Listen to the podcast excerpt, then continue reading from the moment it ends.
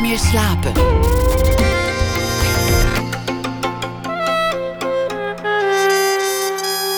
Met Pieter van der Wielen. Goedenacht en welkom bij Nooit meer slapen. Erik-Jan Harmens schrijft elke dag een verhaal bij de actualiteit. Draagt voor na ene. Drie dichters vertellen over hun neurose. Die hebben samen een programma over elk hun eigen neurotische eigenschappen. Die hoort u ook na ene. Janiek van der Velde die komt langs, want hij maakt samen met uh, Tom van Kanthout het gezelschap Roentvonk. Bekend van televisie en ze hebben nu een voorstelling Wachtum Schmerzen. Maar we beginnen komend uur met Kadir van Lohuizen. In Amsterdam vindt uh, komend weekende een grote veiling plaats. Een veiling van foto's. De opbrengst is voor het goede doel. En het goede doel dat is in dit geval de stichting Young in Prison. Jonge gevangenen in verschillende landen worden met fotografie in aanraking uh, gebracht. Kadir van Lohuizen zelf gaf les in Malawi en Kenia.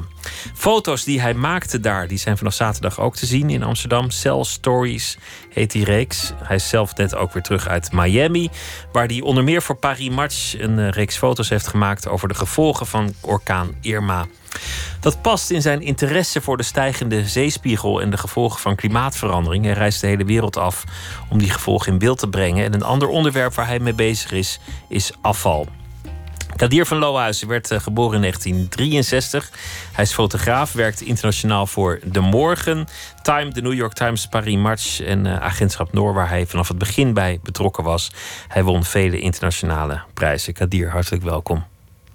Ik ben er stil van. Van de, van de inleiding. Ja. Ik had hem nog veel langer kunnen maken. Ik had Nou, ook gewoon dan een inleiding kunnen maken. te zitten. gewoon tot, tot één uur. eh. La- Laten we beginnen met, met, met Mi- Miami. Want het is eigenlijk wel een bijzonder verhaal dat je daar al geweest was. In een, in een serie over de zeespiegelstijging. voordat deze grote ramp daar plaatsvond. En nu ben je er geweest en heb je eigenlijk iets dat je zelf al een beetje voorspeld had zien gebeuren met eigen ogen. Namelijk de straten blank Ja, en de stad verlaten. Ja ik ben, eh, ben er twee keer eerder geweest. En dat was in het kader van, een, eh, van mijn vorige project... Over waar ik keek naar de urgentie van de stijgende zeespiegel. En eh, inmiddels, hoop ik, is het wel bekend dat, dat Miami... een van de meest bedreigde steden ter wereld is. Want gebouwd op kalksteen, dus kan niet beschermd worden. Dus ehm, toen, toen Irma, de orkaan, van koers veranderde... En, en op Florida afkwam, toen had ik eigenlijk intuïtief zoiets van... eh, daar moet ik zijn. Want ik had wel zoiets van... Dit, wat, wat Miami nu misschien gaat overkomen... is een voorspelling hoe Miami er over 50 jaar... een deel van Miami in ieder geval over 50 jaar permanent zal uitzien. Miami gaat gewoon verdwijnen, zeg je bijna. Dat zijn, eh, ja, dat is wetenschappelijk eh, wel bewezen. Dat als, eh, als de stijging van de zeespiegel zo doorgaat... en eh, die worden alleen maar naar boven bijgesteld, die, die schattingen... dan is het, ja, dan is het in ieder geval voor Miami Beach en, en, de, en de baai van Miami... is het over een jaar of vijftig gewoon evacueren. En dat is best wel een hele bizarre gedachte. Dat is een, voor met name een bizarre gedachte als je in Miami bent, zeg maar op een normale dag. Hè? Want Miami is de, dag, is de stad van het vastgoed. Dus daar wordt altijd, nou ja, nu ook gewoon tientallen bouw, eh, bouwkranen zie je. En er worden, worden woontorens eh, gebouwd met exclusieve appartementen. Miami Beach is natuurlijk partytown.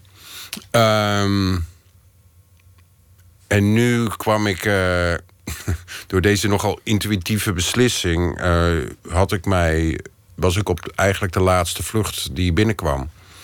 Dus ik vloog van Parijs naar Miami en eh, er zaten tien mensen in het vliegtuig.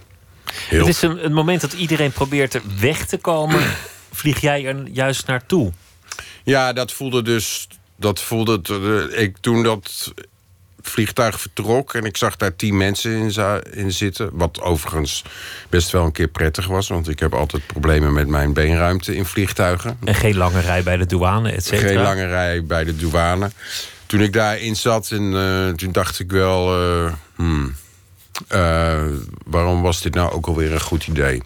En ik kwam dus inderdaad aan en er stonden een paar mensen op hun bagage te wachten, waaronder ik. En Miami International Airport ging achter mij op slot gewoon. En dus toen dacht ik van, nou, die, daar zit ik dus. Dus er was in ieder geval geen weg meer terug. En uh, ik vond een taxi en die reed mij. Uh, en die taxichauffeur zei: Ik ben blij dat je er bent. Het was een uur of zes middags. Ik zei, ik zei: Waarom dan? Ja, ik heb hier al sinds negen uur vanmorgen sta ik hier te wachten op een passagier.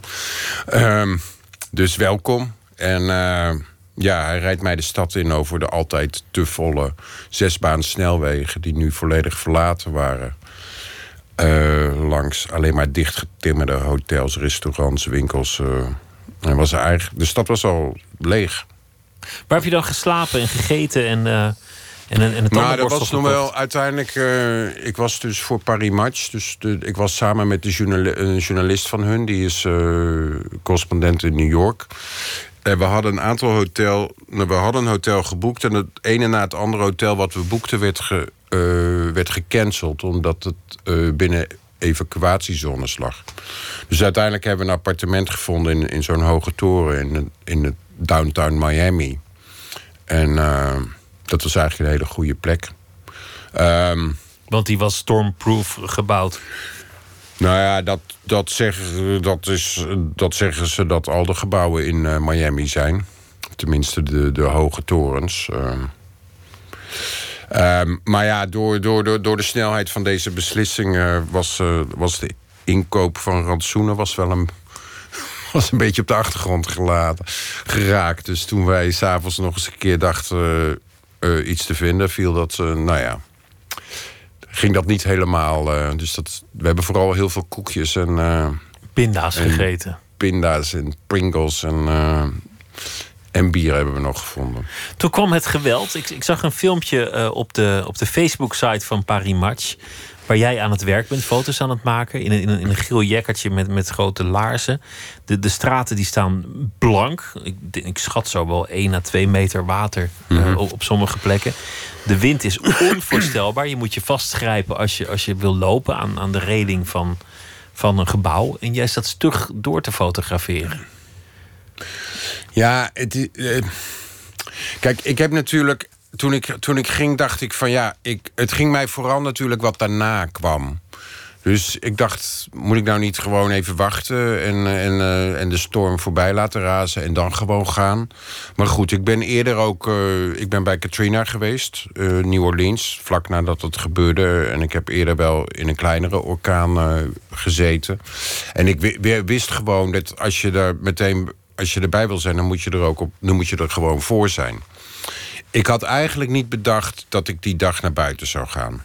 Um, maar het was. Uh, het oog van de orkaan op het laatste moment draaide meer westwaarts. Dus dat zou Miami niet vol raken. Dus dat betekent dat de windsnelheden heel dicht bij het oog... Dat, die zijn extreem hoog. Als het een categorie 3, 4, 5 orkaan is. Aan de, iets aan de rand, waar, waar, waar Miami in viel, waar zijn die iets lager. Nu hebben we het nog steeds over uh, in uh, 100 80 kilometer per uur. Uh, rond, ja, dat is inderdaad heel veel wind. Dat kennen wij gewoon niet. Dit... hier, hier hebben we geloof ik al code oranje bij. Wat is het? Uh, 90 kilometer, 80 kilometer, nog veel minder zelfs. Dat, ja, dat, dat dan, is, en dan, hebben we het, en dan hebben we het over windstoten. Hè? Dan, dan, uh, niet permanente wind. Nee, dan hebben we het niet over sustainable wind, zoals ze dat noemen. Uh, want nou, ik weet het even niet uit mijn hoofd. Maar volgens mij, uh, als je het over, over 100 kilometer hebt... dan heb je het over uh, windkracht 12. Het is natuurlijk ook wel gevaarlijk om te werken in die omstandigheden. Ja, je dus moet ik dat heb, eigenlijk ik niet heb doen. dat wel. Ik heb er wel. Nou ja. Is dat vaderlijk als ik dat zeg? Dat moet je eigenlijk niet doen. Ja, maar dat geldt natuurlijk voor heel veel dingen die. eh, die ja, kijk, het vak brengt bepaalde risico's met zich mee. En, ik, en, en eh, die, die probeer ik te calculeren. En ik probeer daar natuurlijk wel zo verantwoordelijk in, in te zijn. Dus er waren een aantal andere journalisten. Dus daar werd, er wordt wel uitgewisseld. Ehm, kijk, die, die, die, de wind. Nou ja, goed. Het, het was inderdaad niet overdreven wat je schetste. Het, wat een groter gevaar is, realiseer ik me dat ook al, ook al zijn die gebouwen. en met name de ramen in de gebouwen. hurricane-proof. Ehm, je, je ziet toch gewoon van alles door de lucht vliegen natuurlijk. Glas, uh, platen, dakplaten die ergens vandaan komen. Dus dat is wel, volgens mij ligt daar het grootste gevaar. En is dat minder de, de wind. Dus um, het gaat nou ja, je, je, zit hier. Ik zit hier. Laten, laten we het daar gewoon op, op, houden. De foto's die, die, die je hier in de kranten zag, die, die, dat waren dan spectaculaire foto's. Een, een, een luxe jacht op een kerkhof. Of een, uh, of een SUV op een andere SUV op een andere SUV. Zoveel van dat soort foto's dat je eigenlijk niet meer zo goed weet welke nou precies waar is genomen. Er waren ook een aantal uh, orkanen tegelijk natuurlijk uh, gaande, of een aantal gebieden tegelijk getroffen. Heb jij, heb jij andere foto's kunnen maken? Heb jij foto's gemaakt die, die, die anderen niet hebben kunnen maken? Nou, ik moet zeggen dat ik het, doordat ik daar zat, dat ik niet zo heel goed. Uh, het werk van anderen heb gevolgd. De anderen heb gevolgd. En, uh, en de berichtgeving heb ik wel in de gaten gehouden, maar niet zozeer alle beelden die naar buiten kwamen. Of ik, uh, nou, dat weet ik niet of ik iets anders heb kunnen maken. Kijk, tijdens zo'n moment, tijdens zo'n orkaan zelf is het ongelooflijk moeilijk werken. Al was het maar omdat wat, wat, er is heel veel wind. En wat ik dacht dat er dat heel veel regen was, dat bleek gewoon zeewater te zijn toen ik buiten was. Dus je, het, het viel ongelukkig samen. De, de, hoogtepunt van de orkaan viel samen met hoogwater.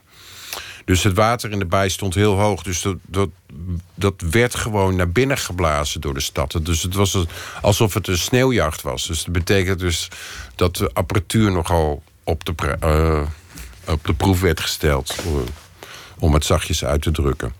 Dus dat betekent ook dat je lenzen binnen de kortste keer gewoon bedekt zijn met water en dan ook nog zeewater. Dus het, uh, ik heb wel, wel, ik denk wel dat ik iets goeds heb kunnen maken, met name omdat, die, omdat dat, dat deel van de stad, het Financial District, waar dus ook gewoon alle dure winkels zijn. Dat stond inderdaad gewoon uh, onder water binnen de kortste keer. En het was waarschijnlijk fundamenteel binnen jouw serie, die gaat over die zeespiegelstijging. Je nou ja, daar was het me in eerste instantie om te doen. Want dit is uh, gelukkig voor Miami overigens dat ze, dat, dat, hun, dat ze niet de volle laag hebben gekregen. Aan de andere kant vraag ik me ook af of de wake-up call voor de stad... die zo in mijn optiek zo nodig is... Uh, dat, die, dat die niet luid genoeg heeft geklonken. Want ze zijn nog niet overtuigd misschien. Nee, ik denk dat. Nee, en Florida is natuurlijk problematisch. Florida is in, in, problematisch omdat het natuurlijk een. Uh, nou, het heeft een heel een groot aantal uh, Trump-stemmers. Dus er is een heel groot deel van de bevolking wat ontkent dat de klimaatverandering veroorza veroorzaakt wordt uh, door mensen. Um, dus ja, ik heb het al ooit een keer dansen op de vulkaan genoemd. En dat, dat, dat is het ook. En het, is, het was ook bizar, want ik was. Ten eerste wat bizar was dat ik dacht de volgende dag dan dan schijnt dus inderdaad gewoon de zon, is de lucht blauw. Dus dat, je kan je nauwelijks voorstellen dat het gebeurd is. Uh, en ik dacht, nou ja, ik moet naar Miami Beach. Kijken wat daar gebeurd is.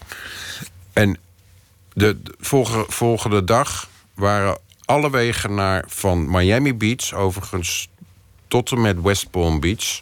Dat is een hele grote afstand. Inclusief Fort Lauderdale waren alle, alle wegen afgesloten naar, uh, naar de kust. En de autoriteiten zeiden van, nou ja, dat komt omdat er, uh, het is gevaarlijk, want die elektriciteitsleidingen zijn, uh, palen zijn omgevallen, liggen draden op de straat. Um, dat kan, kan goed. Maar collega's van mij uit Miami zelf, die zeiden uh, van, ze willen gewoon hun image beschermen. En, en er moet gewoon geen slecht beeld nu van Miami Beach naar buiten komen, want de party goes on.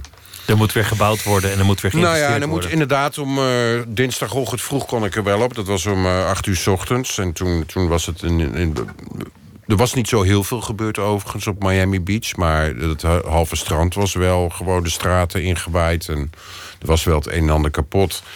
En ik was daar om acht uur s ochtends en, uh, en ik zie daar mensen met koffers uh, zeulen en zo. Dus ik, ik dacht van, nou, dat zijn gewoon mensen van Miami Beach die terugkomen. Dus ik vroeg het aan. Dus toen zei ze van, no with tourists. Dus die waren enigszins vertraagd. En, uh, en inderdaad, om negen uur waren, waren een aantal bars weer open. Alsof er niks gebeurd was. Het, het was leven heel kon bizar. weer beginnen. Dat is, dat is wel eh, mooi symbolisch voor die reeks die je aan het maken bent. Want het is, het is een, een, een dreigende apocalyps. Die, die stijgende zeespiegel. Je, je documenteert het op heel veel plekken. Ja, ik ben, het is wel een beetje afgerond hoor. Maar het blijft dus gewoon wel. Als dit soort dingen gebeuren, dan, dan, eh, ja, dan, dan moet dat er toch nog bij. Is dat onderwerp voor jou afgerond? Want ik heb het idee dat dat, dat onderwerp jou heel na aan het hart ligt. Ja, het, ehm, het is altijd moeilijk met dit soort grotere verhalen, dit soort projecten, wat, waar je nou eigenlijk de punt, eh, een, een punt zet. Want het is, ik kan hier de rest van mijn leven mee doorgaan. Want het wordt alleen maar erger en het, het gebeurt op steeds meer plekken dat, eh, dat, eh, dat het urgent wordt. Maar goed, ik had toen op een gegeven moment wel het gevoel dat, dat, het, dat ik een zoverre compleet verhaal had. Dat het zich op een gegeven moment begon te herhalen als ik ermee door zou gaan. Want hoeveel eilanden kan ik laten zien en hoeveel stranden kan ik laten zien die verdwijnen? Weet je wel? Dus ik had het gevoel dat het aan kracht zou inboeten als ik, uh, als ik ermee door zou gaan.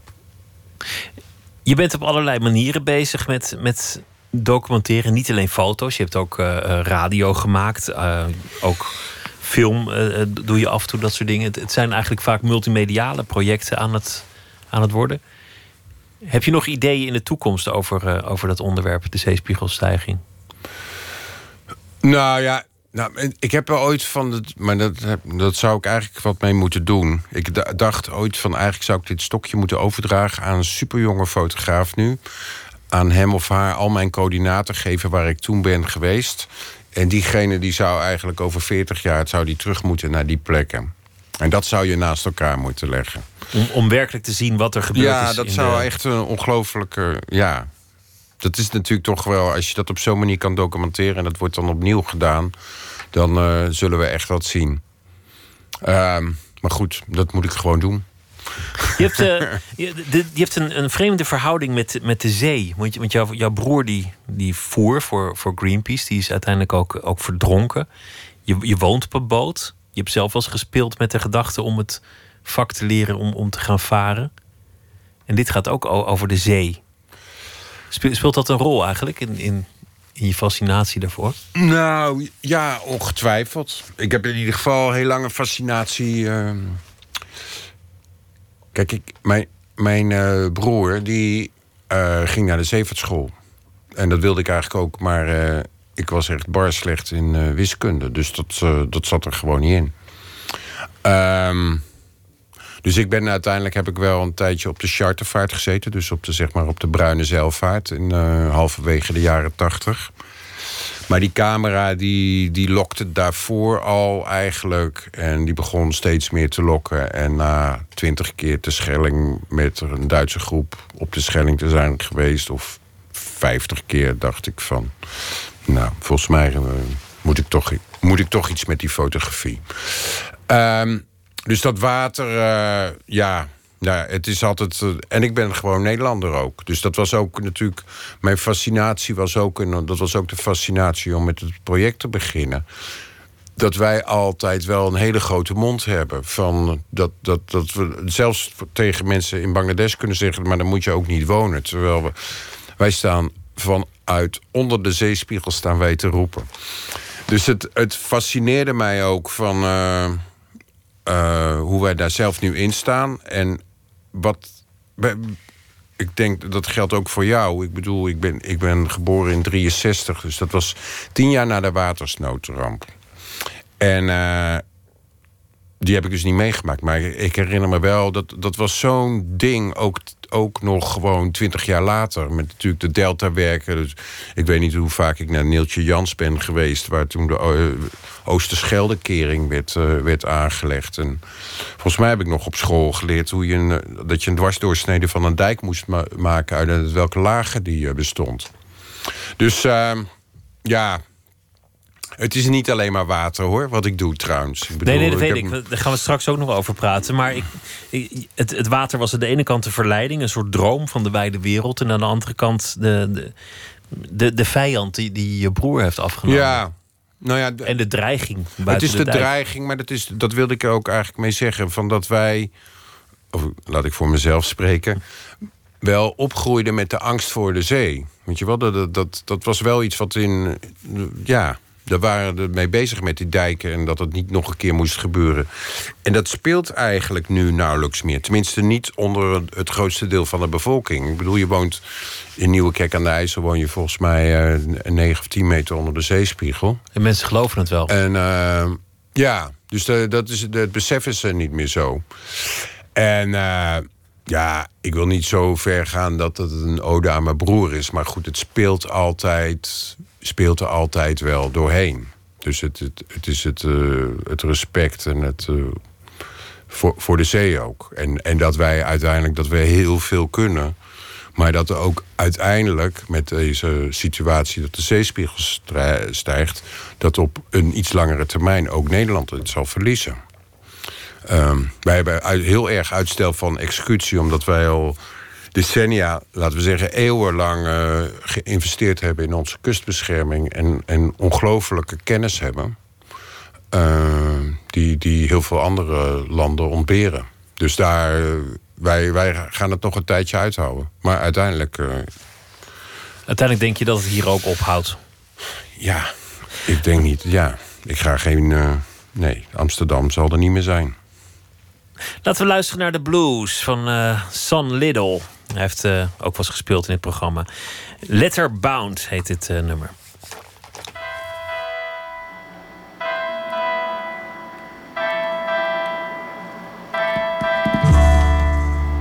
I can see you, babe. See you all around.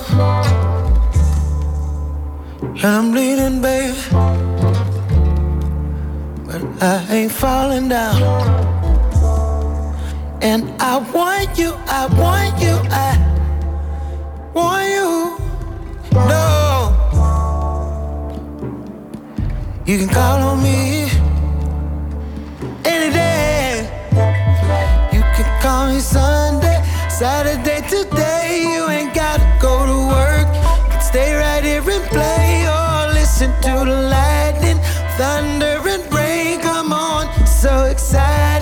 So glad that you came. La la, la la, la la. Oh, listen to the lightning, thunder, and rain. Come on, so exciting. So glad that you came. Yeah, I miss you, babe. Now I'm so far away. Bet I would go crazy. Except I've been that way. And I need you, I need you, I need you. Oh, since we don't have the time, gotta make it babe. You can call me Sunday, Saturday, today. You ain't gotta go to work. Can stay right here and play or listen to the lightning, thunder, and rain. So exciting. So glad that you came. La la, la la, la la. Oh, listen to the lightning, thunder, and rain. Come on, so exciting. So glad that you came. La la la.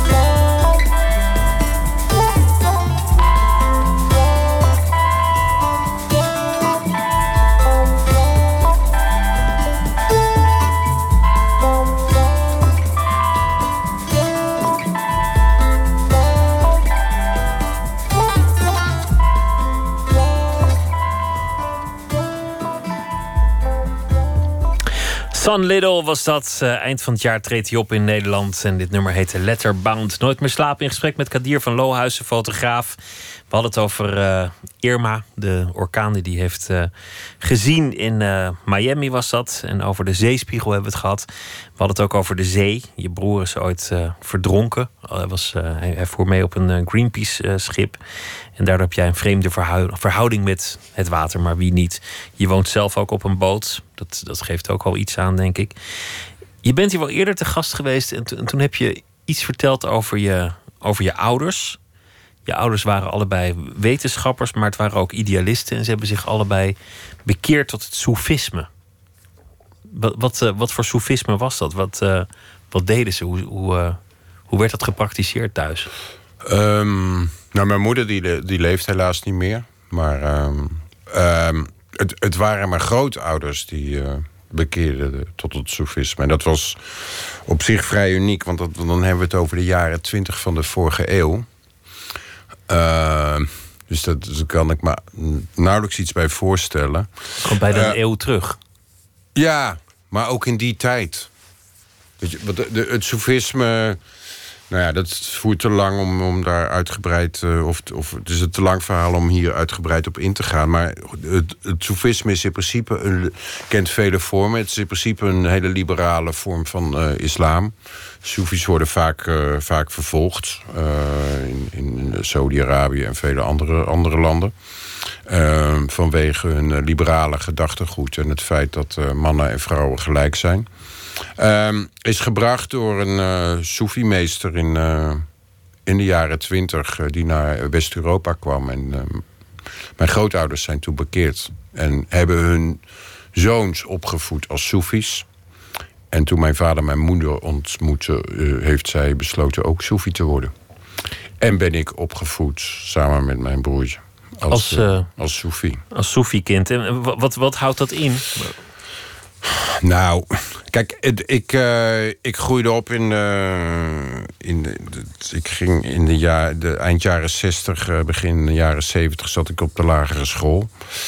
Ehm, dat was niet altijd even makkelijk, al was het maar omdat ik Kadir heette.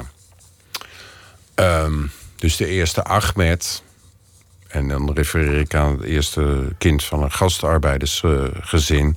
wat bij mij op school kwam. Toen waren we al. Uh, toen waren we al een x aantal jaren, een paar dus- jaren dus, later. iedereen heette Henk of Kees ja, of Peter? iedereen. Uh, dus daar, daar, daar werd ik natuurlijk ook wel mee gepest. Verder betekende het dat we... We gingen niet naar de kerk, maar we gingen naar een soefiedienst. Uh, uh, geen alcohol, geen varkensvlees, geen cola. Um, Allemaal dingen die je heel graag had gewild. Die je natuurlijk, nou ja, en het is natuurlijk uh, als je, ja, als je anders bent dan je vriendjes en vriendinnetjes, is dat altijd moeilijk. Maar ik denk dat ik daardoor wel, uh, misschien ben ik daardoor wel mondig geworden en heb geleerd op mijn eigen strepen te staan. En heb me in de puberteit daar best tegen afgezet. Maar goed, ik zette me toen ook af tegen elke religie. En, uh, en ben daar later meer van gaan begrijpen en heb me daar uh, meer in verdiept ook. Maar ik ben niet praktiserend.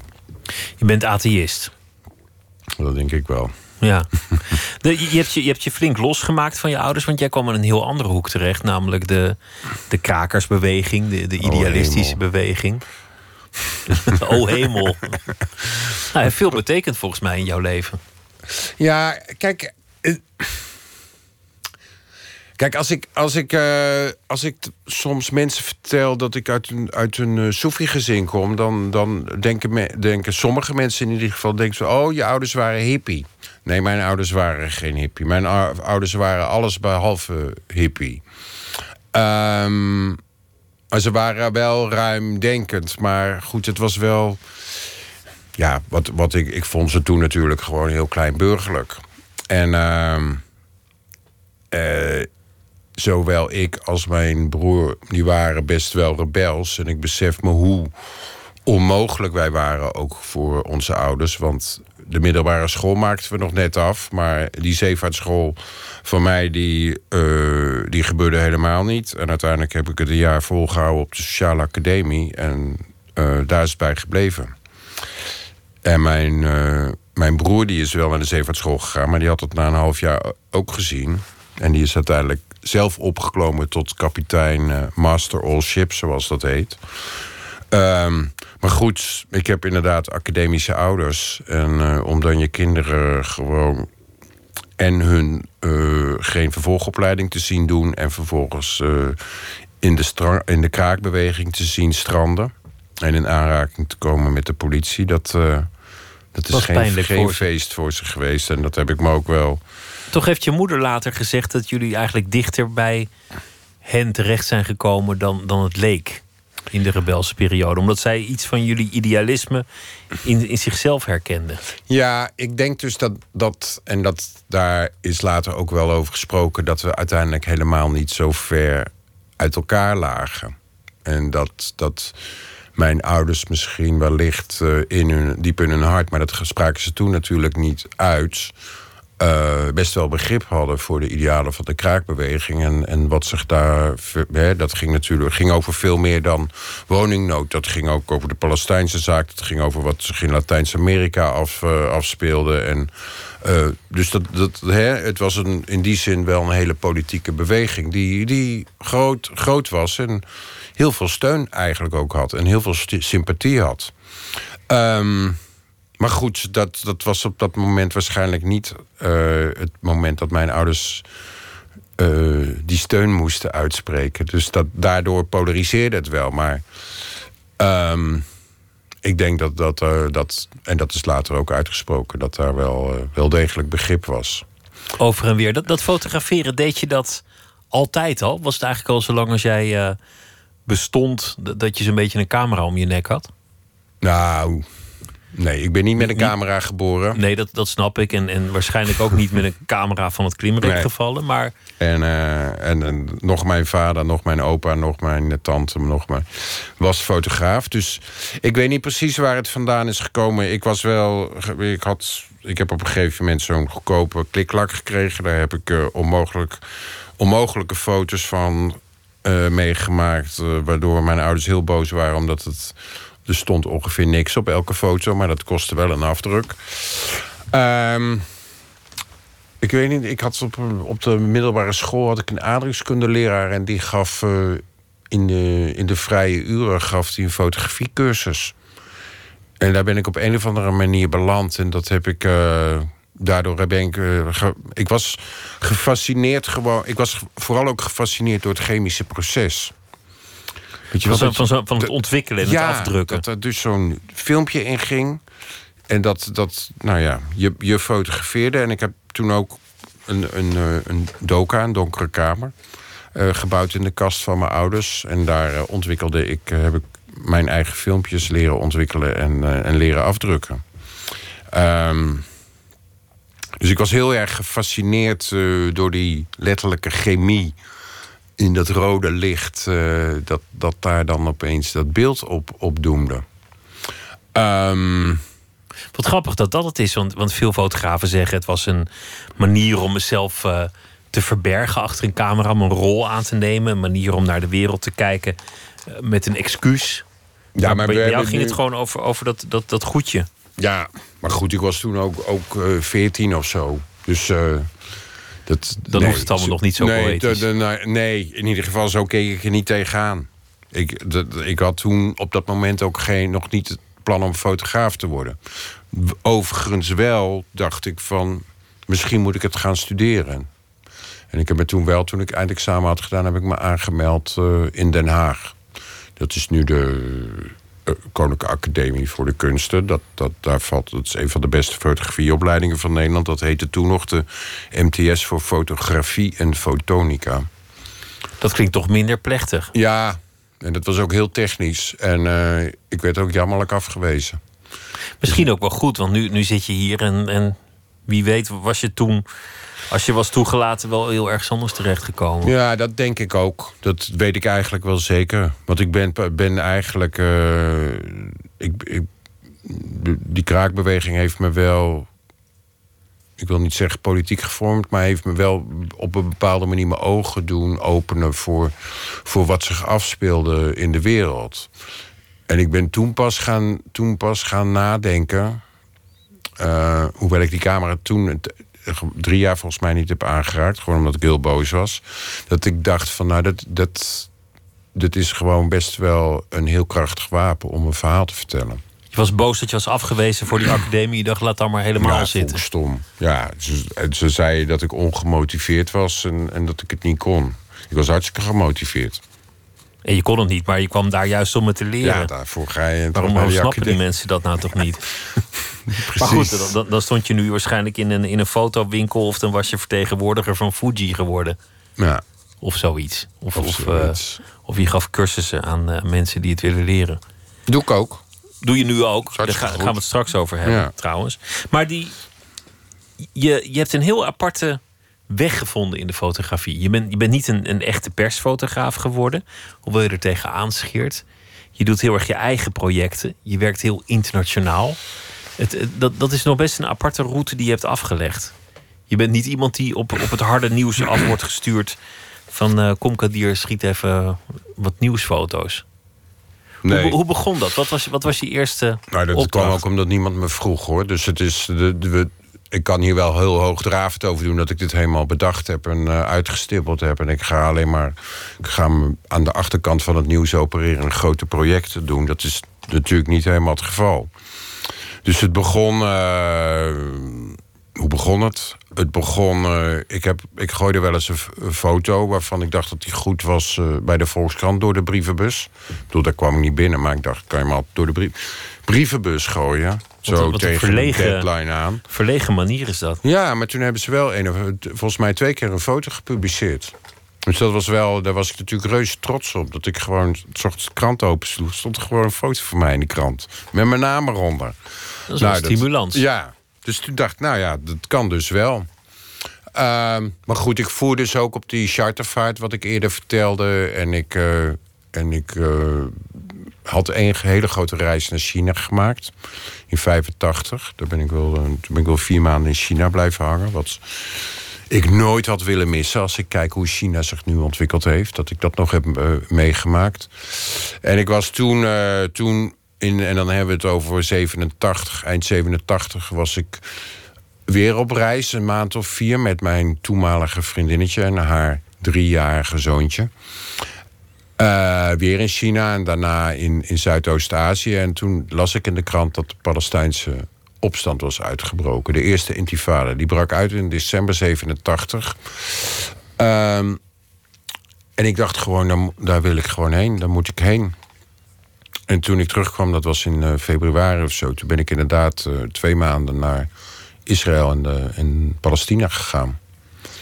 En ehm, in eerste instantie eh, totaal op de Bonnefoy. Ik was met een collega, een hele jonge collega, fotograaf ook. En eh, daar was eh, Max Arian, de journalist van de Groene De Amsterdammer. Groene Amsterdammer, ja. En toen hebben we een aantal verhalen samengemaakt. En dat, dat waren echt mijn eerste foto's die echt gepubliceerd werden. En eh, ja, zeg maar, toen kreeg ik wel de smaak te pakken. En de reden ook dat ik ging was ook omdat ik...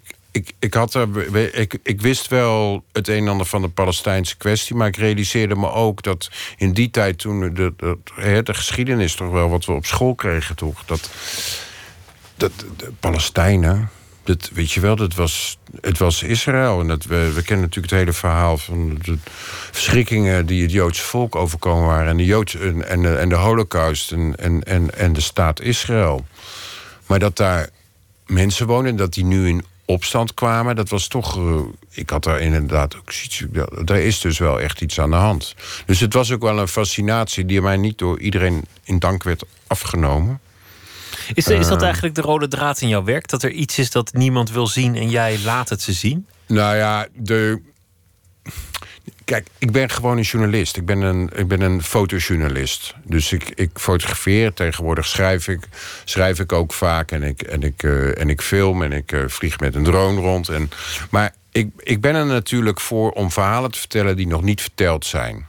Dus ik hoef niet. Ik, Je gaat niet daar waar iedereen al staat. Je wil niet in die zwerm Nee, staan. als, de, als eh, offensief bij Mo Mosul begint, dan hoef ik, hoef ik niet daar per se heen.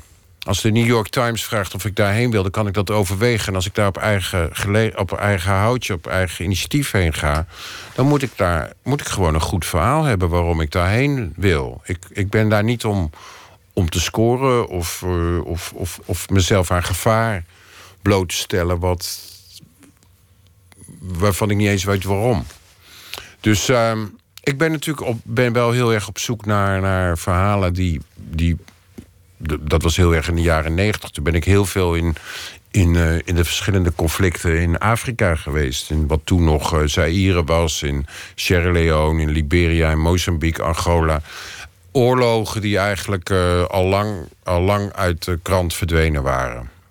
En dat begreep ik gewoon niet. Dat, of tenminste, ik had zoiets van misschien een soort naïviteit van er gebeuren verschrikkelijke dingen. En dat, dat, dat moeten we toch weten. Daar moeten we over lezen. Ik bedoel, geen nieuws is niet altijd goed nieuws. En hoe kan het dan dat jouw series wel in dat nieuws komen? Als, als, als ken ik die krant daar helemaal niet meer in geïnteresseerd is. Als jij erheen gaat, dan weet je dat op een manier te doen dat ze ineens wel die foto's willen zien.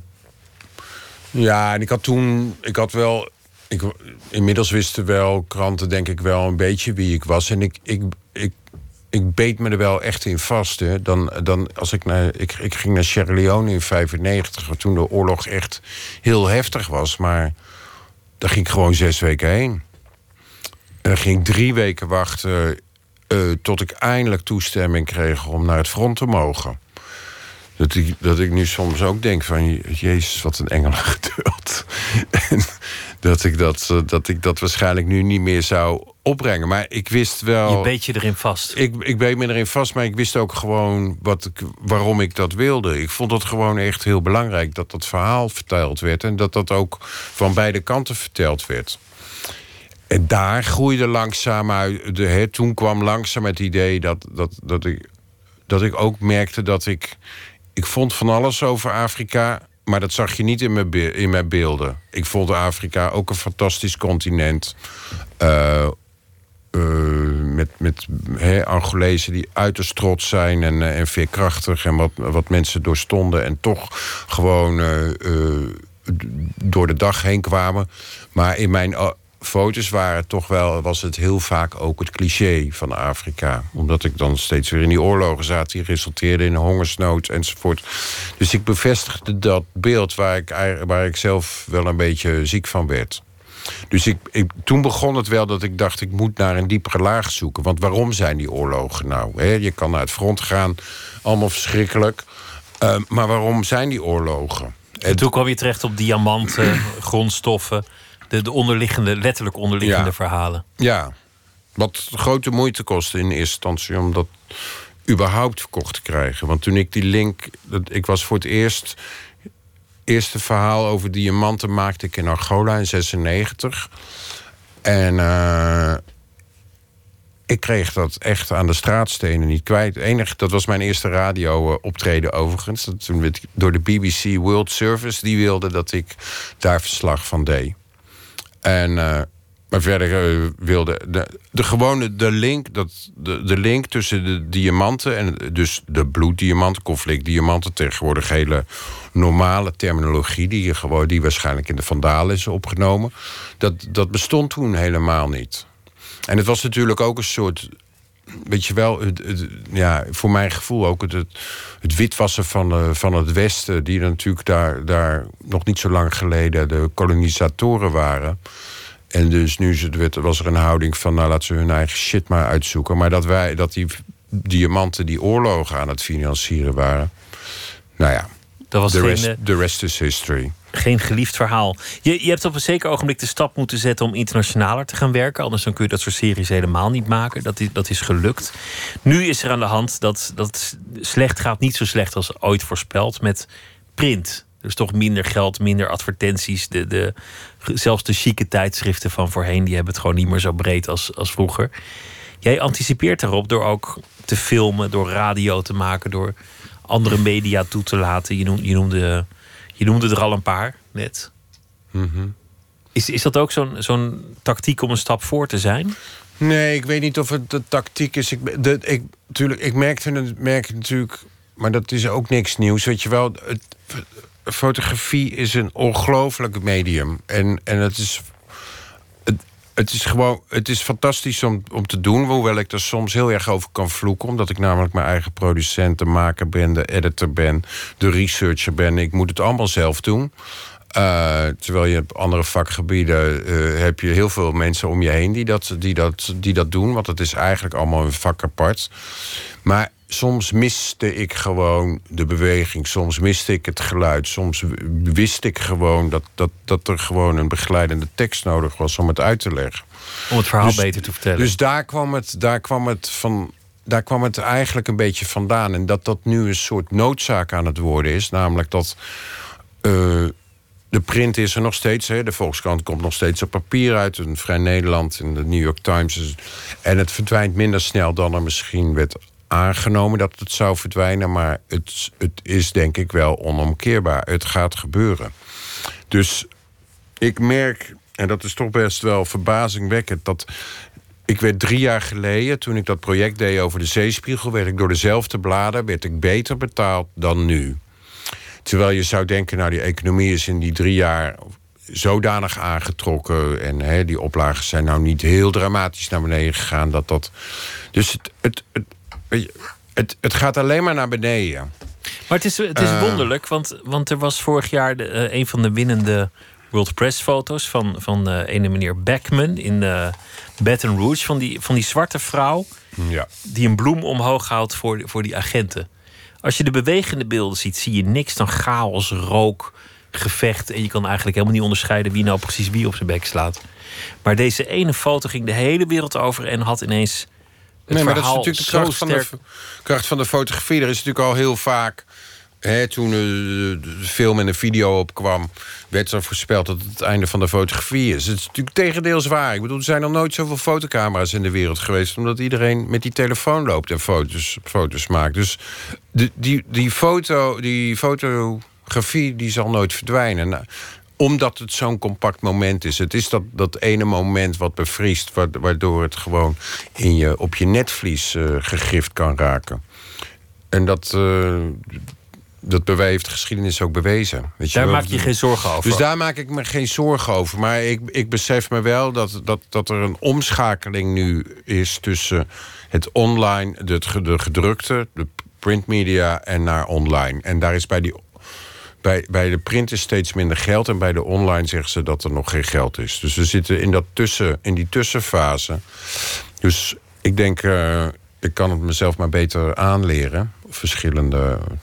Ik vind het ook hartstikke leuk, hoewel ik soms denk ik ben helemaal gek. Um, Om al die dingen te doen. Maar.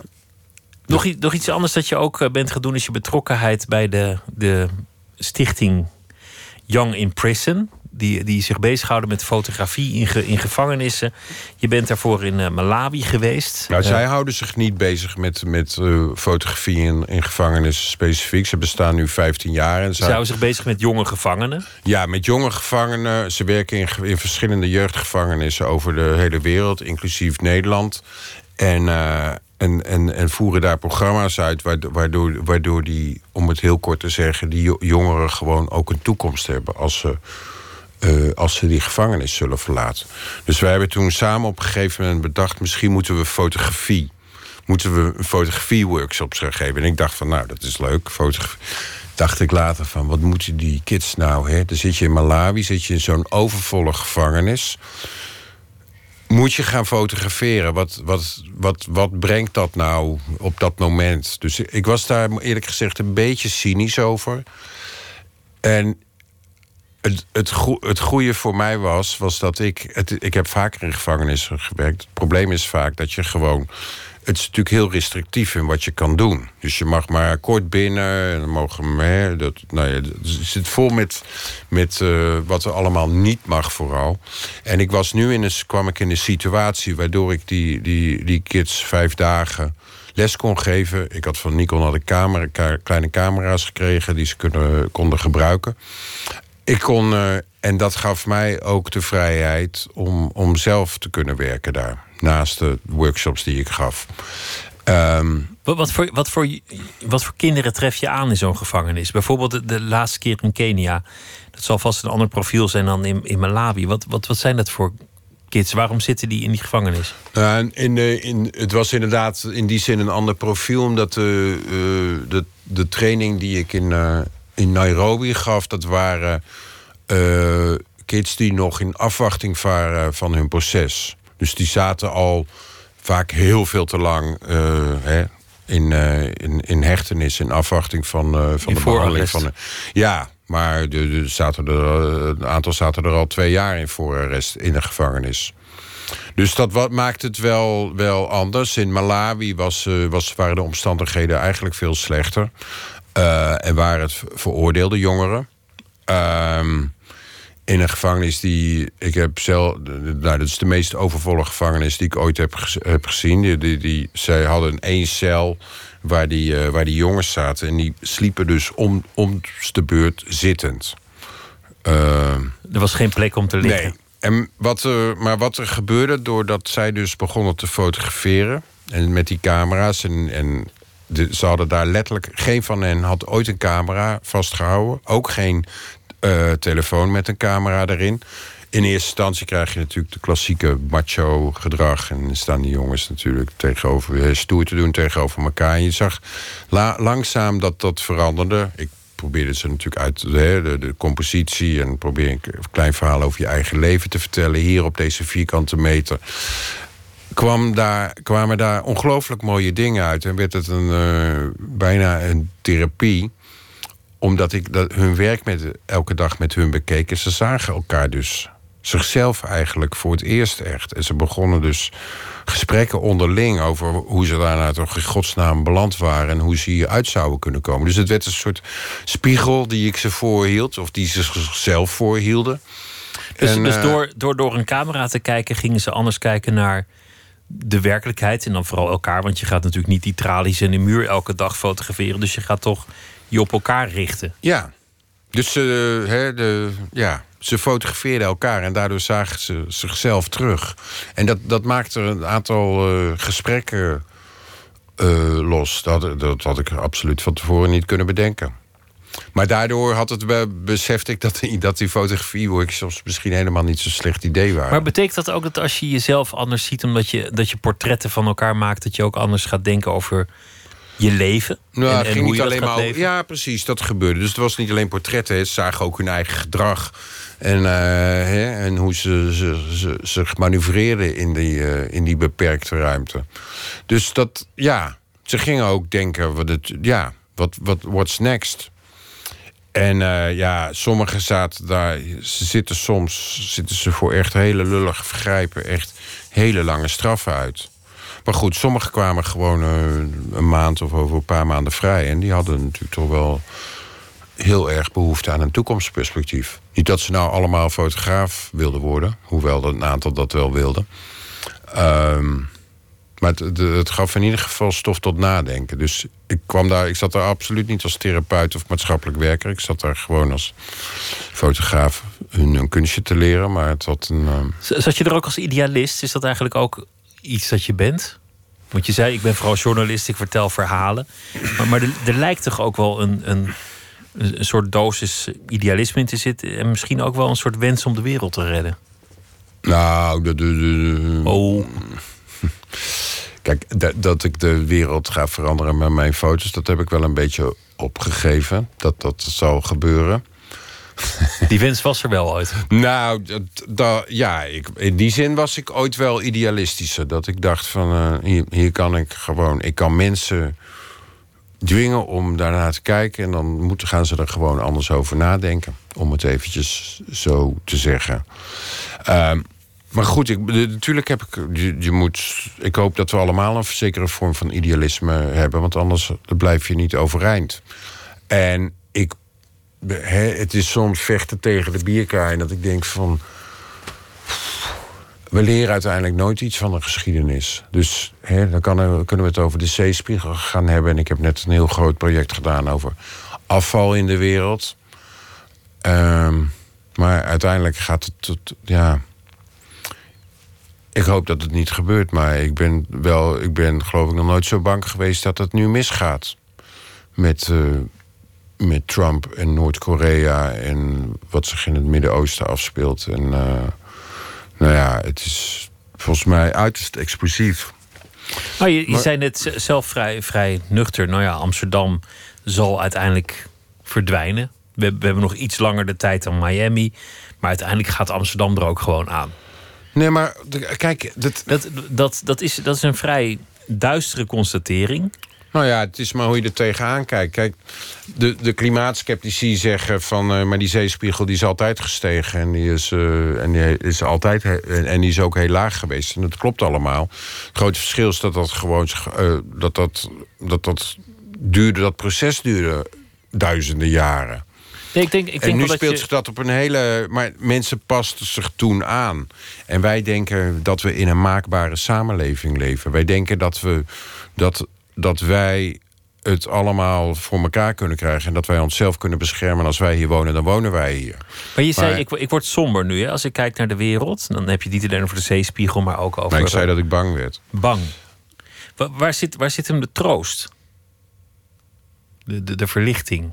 Als je kijkt naar, naar die wereld die eigenlijk niet te, te verbeteren valt en al het leed dat, je toch het aanschouwt. Nou, omdat zich dat op. Uh, het, het, speelt zich gelukkig gewoon af op bepaalde plekken. Maar er, zijn heel veel plekken.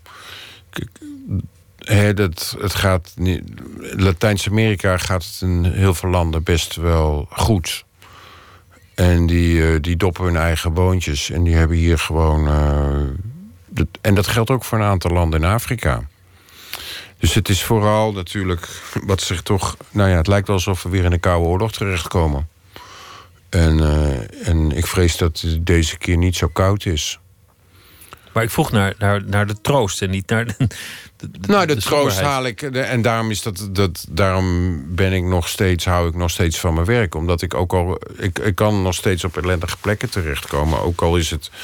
Is het uh, zijn dat zoek ik dat minder vaak op. Maar het, ik, het, het is nog steeds in de meest... Ook in zo'n gevangenis. Ik bedoel, wat ik met die, met die kids kan... en hoe, hoe ze dat op dat moment in ieder geval... eventjes uit dat, uit dat diepe dal trekt. Daar put ik veel uit. En dat mag je troost noemen. Dus daar denk ik van... Dan... Dat je zelfs in die, in die sombere omstandigheden... In, in moeilijke gebieden of, of in een gevangenis nog vrolijkheid en hoop kunt vinden en, en veerkracht. Ja, dat is natuurlijk een beetje... We, we, hè, soms denk ik van, we hebben het ook allemaal te goed. Weet je wel, wat, we, we klagen over alles, maar... Jezus. Waar hebben we het eigenlijk ja, waar hebben we het nou eigenlijk over? Ik bedoel, we zitten, wat zitten we? We zijn in de top. We staan op de vierde plaats van top-economie in de wereld. Meest inventief. Uh... Ja, je hebt gelijk. Niet zeuren. Kadir van Lohuizen, dank je wel. En vanaf zaterdag zijn de foto's uh, te zien in Amsterdam... met ook een uh, bijzondere veiling. Dank je wel. Op Radio 1, het nieuws van alle kanten.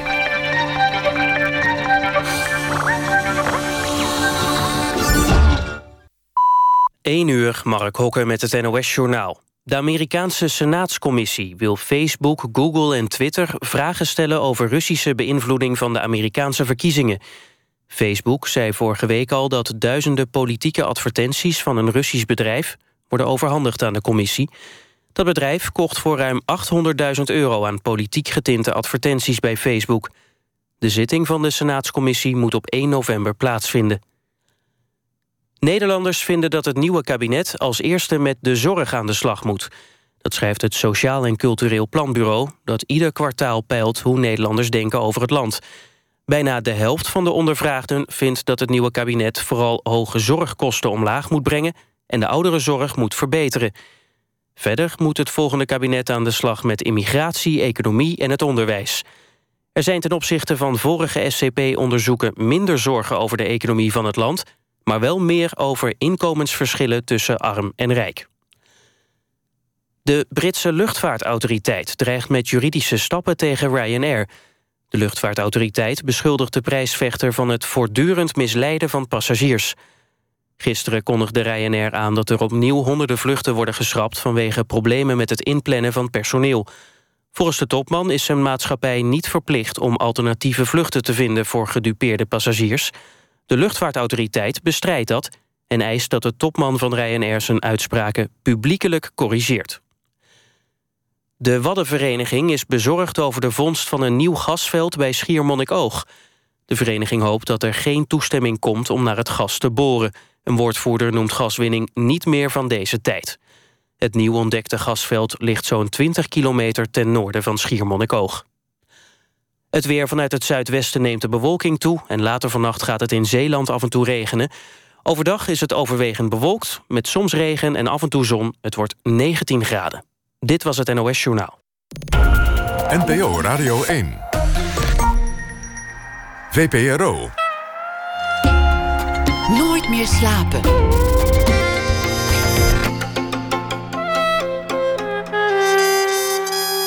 Met Pieter van der Wielen. U luistert naar uh, Nooit meer slapen. Twitter, het VPRO NMS. En we zitten ook op Facebook. En u kunt zich abonneren op de podcast via de site van de VPRO. De fotoveiling waar ik het net over had uh, met Kadir van Lohuizen... die is niet komend weekend, maar het weekend erop. 7 oktober, dat was, was mijn fout.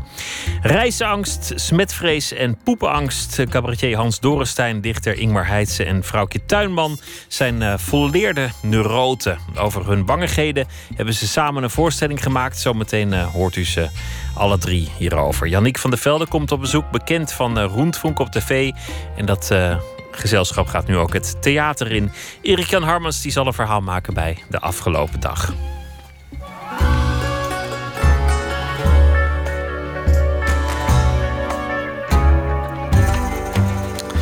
Een ode aan het uh, protestlied. We denken vooral aan de jaren 60. Zangers met gitaren, drie akkoorden en de waarheid.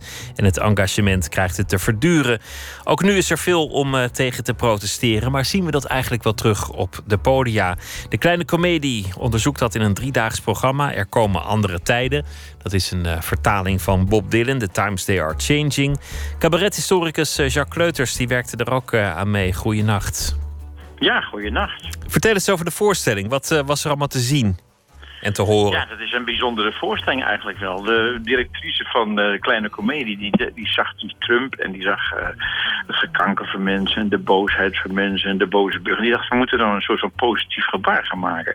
En uh, zou het nou niet leuk zijn als we eens een mooie protestavond organiseren? En zoals je dus eigenlijk ook avonden kunt hebben in een theater... met smart lappen of met country en western muziek... dacht zij van, je zou eigenlijk ook een avond kunnen maken met... ja, protestrepertoire. En uh, ze heeft een aantal mensen uitgenodigd. En uh, dat zijn bijvoorbeeld uh, Theo Nijland. En dat is Roos Bluffpand. En dat is Jenny Arian. En Paul de Munnik. Weet je wel, van dat soort mensen. En, en een repertoire hebben we bij elkaar gezocht. En dat zingen we daar. Zo zit een ontzettend goede band zit erachter. Doet een beetje denken qua geluid aan wat Willem Breuker en zo in de jaren 70 deed. Je met veel geblaas en, en, en, veel gedrum. En het is een hartverwarmende avond, blijkt nou eigenlijk wel. Met de parels van het protestlied van Bob Dylan en Boudewijn de Groot. En, uh... Ja, die zitten er zeker in. Maar er zitten ook wel andere uh, dingen in. Ik heb zelf een heel verhaal over Wolf Bierman... wat een uh, Oost-Duitse communist was... die door de communisten niet gepruimd werd... en over de muur gegooid is. En die in zijn hele leven een ontzettende protesthouding heeft gehad. En ik heb ook een heel verhaal over Jacques van Tol... wat een Nederlandse tekstschrijver was... die dus totaal geen protesthouding had en overal ja op zei. Totdat hij uh, uh, liedjes moest schrijven voor de bezetter en zo, weet je. Dus het gaat eigenlijk ook over van, ja, waar kies je nou eigenlijk voor in je leven? Er is, er is ook veel over te doen in, in bijvoorbeeld het cabaret en theater. Mensen die missen het. Die zeggen, waar zijn de protestzangers? Waar is het engagement? Is, is het echt zo somber gesteld? Nou, dat weet ik niet. Ik zie nog wel eens wat hoor. Maar ik vind bij jonge mensen uh, in het cabaret vind ik eigenlijk ook... Ik, bijvoorbeeld uh, de, de Annie M. G. Schmidprijs van het afgelopen jaar is gewonnen door Kiki Schippers. Met een lied Er spoelen mensen aan. En dat is een zeer ironisch, sarcastisch lied van Gooi ze terug, weet je wel. En uh, dat is toch wel heel erg maatschappij betrokken. En ook, uh, ja, het, je hebt bijvoorbeeld een cabaretgroep, dit Matrushka. Dat zijn twee, twee meiden en die zingen ook heerlijk fel en zo. En het bestaat wel. En je hebt ook nog oud-gediende, André Manuel, weet je wel. ja, die, die, dat zijn toch felle gasten zijn dat. Het bestaat wel, hoor. Het heeft een andere vorm wellicht. Waardoor mensen het niet meteen herkennen. Het heeft een heel andere vorm. Neem nou bijvoorbeeld al die rappers, weet je. eh, eh, daar zitten heel vaak zitten daar eh, maatschappij betrokken dingen in en, en standpunten. En als ik met jonge mensen omga en zeg, nou ja, je moet naar Kendrick Lamar of zo moet je luisteren. Ja, het is mijn scene niet en ik ben een oude man wat dat betreft. Dus dan denk ik, ja, het zal wel. Maar het blijft wel gewoon bestaan en het trekt ook wel weer publiek. Wat is, wat is het mooiste protestlied wat jou betreft ooit geschreven, als je er één zou moeten kiezen? Er komen andere tijden. Want dat is gewoon, dat, dat is die hoop, weet je. The, the Times They Are Changing bedoel je, van, van Bob Dylan. Ja, ja, the times they are changing. Er komen andere tijden. En eh, dat is, vind ik, het essentiële protestlied eigenlijk.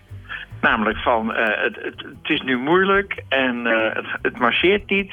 Maar let op, we gaan er met z'n allen tegenaan en er komen andere tijden. Dat is, de, dat is altijd de, de hoopvolle inhoud van een protestlied.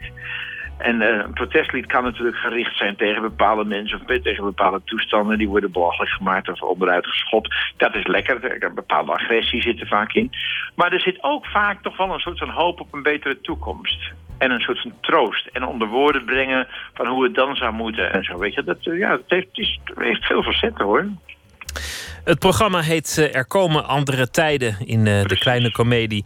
Jacques Ja. Leuters, dank je wel. Goeienacht. Ja, dankjewel. Een fijne nacht verder jullie.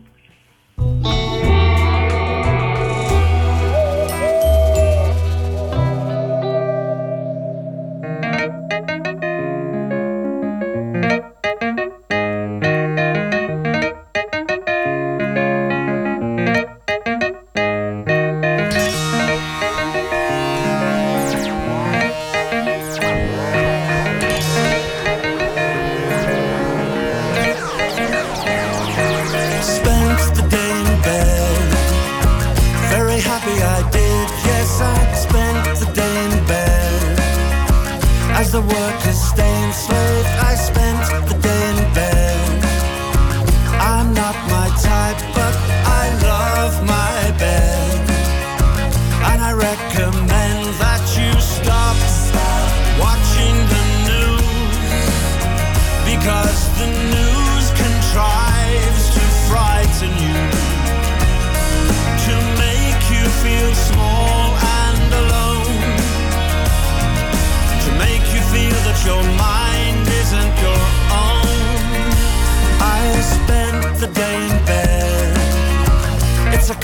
When all my dreams are perfectly legal in sheets for which I paid.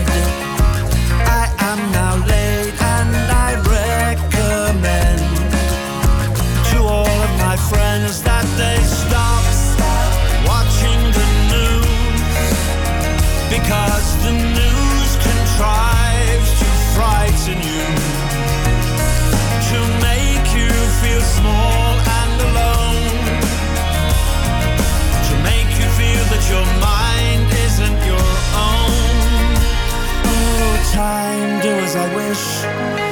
Time, do as I wish. Oh, time, do as I wish.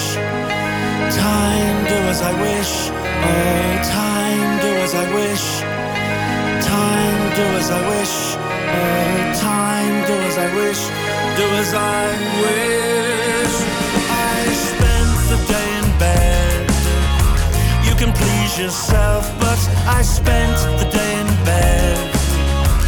Pillows like pillars, life ends in death. So there's nothing wrong with being good to yourself. Be good to yourself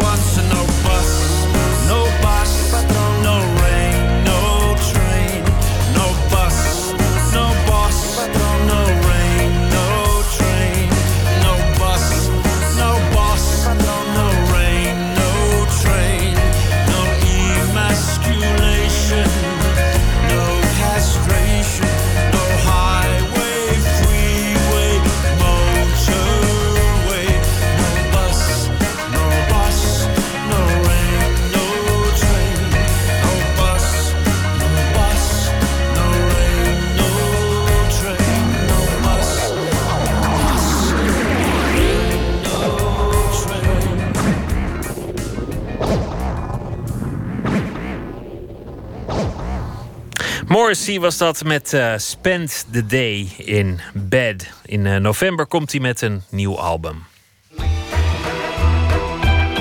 Nooit meer slapen. Angst voor spinnen, angst voor hoogtes, angst om voor groepen te spreken, maar ook uh, bang zijn voor Friese staartklokken, voor clowns of voor begraafplaatsen. Je kunt het zo gek niet bedenken. Of er is altijd wel iemand te vinden die er werkelijk heel erg bang voor is. Vervelend natuurlijk, vooral voor degene die er uh, angstig voor is zelf. Uh, maar je kunt er ook maar beter dan om lachen. Dat is het motto van Hans Dorenstein, die samen met uh, dichters Ingmar Heitse en vrouwtje Tuinman op de planken staat met het theaterprogramma Neurosen en andere hobby's. Verslaggever Eliane Meijer die ging naar de try-out. Hey. Hallo. Mag ik meteen dan met de vraag beginnen? Mag ik even naar het toilet? Ja. Ga je dat ook opnemen? Dat ga ik niet opnemen. Ik ga hem even afdoen. maar ja, het is wel een thema, toch? Het toilet. Dichter Vrouwtje Tuinman heeft in haar huis geen toiletborstel naast de pot staan. De wc ziet er verder brandschoon uit en ik moest alleen maar plassen. Dus het was me waarschijnlijk niet opgevallen als ik niet een aantal dagen eerder Tuinman had horen vertellen over haar aversie tegen het ding. Hoe weet ik of degene die de borstel pakt zijn handen heeft gewassen tussen het poepen en het borstelen in? Ik weet dat ik het zelf niet zou doen. Erna wel. Ik zou het liefst ook mijn ogen wassen na het zien van de wc-borstel in zijn badje van chloor. Met de niet weer witte kern, met stukjes. Je hebt ook zwarte wc-borstels, dat zijn de ergste. Dat was in Zeeland, het plaatsje Rilland. De eerste try-out van de voorstelling Neurose en andere hobby's. Waarmee ze samen met cabaretier en tekstschrijver Hans Dorrestein en dichter Ingmar Heitse de komende maanden door Nederland toert. Neurose stoornis van het gevoelsleven die resulteert in een disharmonische oplossing van innerlijk conflict. Iedereen heeft hier wel wat, licht beneveld, ladderzat. In iets glas zit spijt en pijn, het meest in dat van Dorrestein. Hans Dorrestein zingt en schrijft al meer dan 40 jaar over zijn angsten en depressies.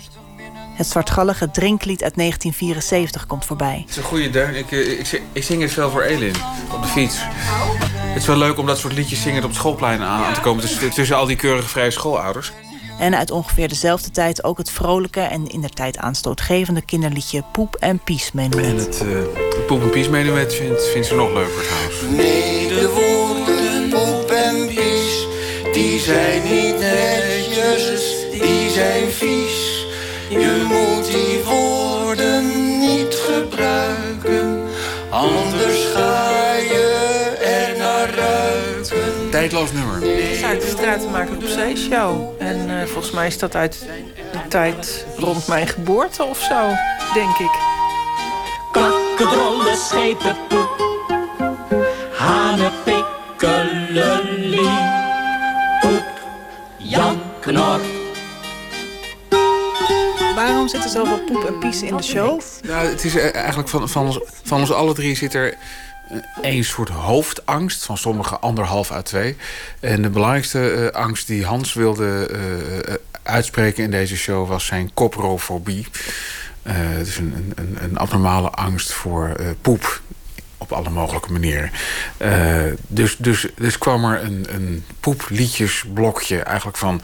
Wij werden er ook een beetje mee geconfronteerd. We dachten ook eerst van van ja, god, het, het, zijn leuke liedjes, maar moeten er zoveel nadruk op. Toen hij het begon uit te leggen, begrepen we ook van... ja, maar dit, dit, is, dit is als het nog gaat over neurose... dit is een heel belangrijke neurose voor hem. Dus, dus heeft het ook een hele uh, goede functie in de show gekregen, vind ik. Ik ben een romanticus en een estate... en dat ook de mens zelf onderhevig is aan spijsvertering... is een gedachte die ik niet kan verdragen. Ook mijn eigen toiletbezoek is mij min of meer een trauma...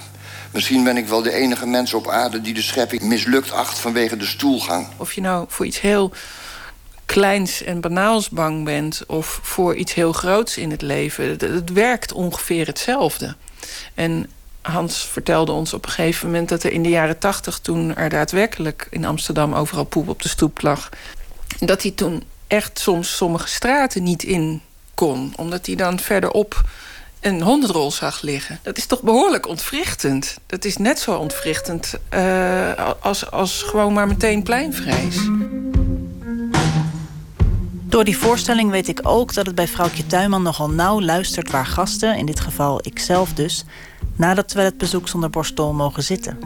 Is dit de juiste stoel waar ik nu op zit? Ja, dit is zeker de juiste stoel waar je nu op zit. Maar het, het stukje uh, wat in de voorstelling voorkomt over waar ik mensen plaats in mijn huis, uh, dat. Uh, dat gaat over mijn vorige huis. En als ik dat voorlees, zie ik ook nog steeds die indeling voor me. Dus, maar hier heb je ook een juiste, juiste stoel. Hier heb ik ook een juiste indeling, maar het klopt niet meer met dat stukje. Hier hou ik hem voor mezelf. Waar iedereen geplaatst moet worden en waar iedereen zijn jas op moet hangen. En als iemand het niet doet, ga ik dat voor hem doen. En, uh, en doe je dat dan een beetje op slinkste wijze dat niemand door heeft dat je ja, dat doet? ik denk dat ik goede vrienden heb die dit niet weten. Ja. Dat hou ik me in ieder geval graag voor. Het bezoek mag zitten op de bank of op de eettafelstoel. Degene die uitkijkt op het raam. Ik zit dan daar tegenover. Jas moeten aan de kapstok. Vooraf maak ik één of twee haakjes vrij. Sommige mensen hangen hun jas dan toch over de mijne. Dan ga ik zogenaamd naar de wc, verhang hun jas en trek door. Waarom zetten jullie jullie neurosen op het podium? Uh, ik wil eerst natuurlijk ook in tekst en in gedichten, et cetera, maar nu ook op het podium. Waarom? Ik denk omdat we gaandeweg uh, gemerkt hebben in contact met elkaar dat, dat er een soort eenheid is. Dat er één verhaal is. Ik denk dat we dat eerder hebben gemerkt dan dat er een programma was. Ik heb best veel met uh, Hans in de auto gezeten en dan hadden we het altijd over dingen die ons overkomen waren of die ons in ons hoofd voortdurend overkwamen. En, en dat was een feest van herkenning. En uh, dus het is meer een vraag van waarom niet? Als je zo'n verhaal blijkt te hebben. En het is ook je werk om dat verhaal te hebben. Om wat jou bezighoudt goed te kunnen of pogen te verwoorden en, en, en over te brengen het kan sommige mensen inderdaad amuseren... en het kan sommige mensen helpen omdat ze zeggen... ja, ja, zo is het, maar dat lukte mij niet om dat zo te zeggen. Dit is wat ons bindt en dit is het verhaal dat we nu met z'n drieën te vertellen hebben. En het is een goed verhaal, vol, vol met echt hele goede teksten, vind ik. Maar als we, als we hadden besloten dat we het over iets heel anders wilden hebben... had ik dat ook prima gevonden. Ik heb zelf hevig getwijfeld of, of, ik, of ik weer met reisangst op pad wilde... omdat ik het beschouw als de grootste vergissing in mijn literaire loopbaan... dat ik ooit het scooterdagboek heb, heb uitgegeven. Je komt in een persmapje terecht waar je, waar je nooit meer uitkomt, zeg maar. Als, als, als, uh, als het weer iets te maken had met reisangst... en Dennis Bergkamp kon niet, want die heeft vliegangst... dan belden ze mij. Doodvermoeiend. Ingmar Heitse durfde jarenlang zijn woonplaats Utrecht niet uit. Bang om niet thuis te kunnen zijn wanneer hij dat wil. Een combinatie van reisangst en extreme heimwee. Reiswee noemde hij het zelf. Sommige mensen zijn gefascineerd door mijn reiswee, vooral als ze er voor het eerst over horen.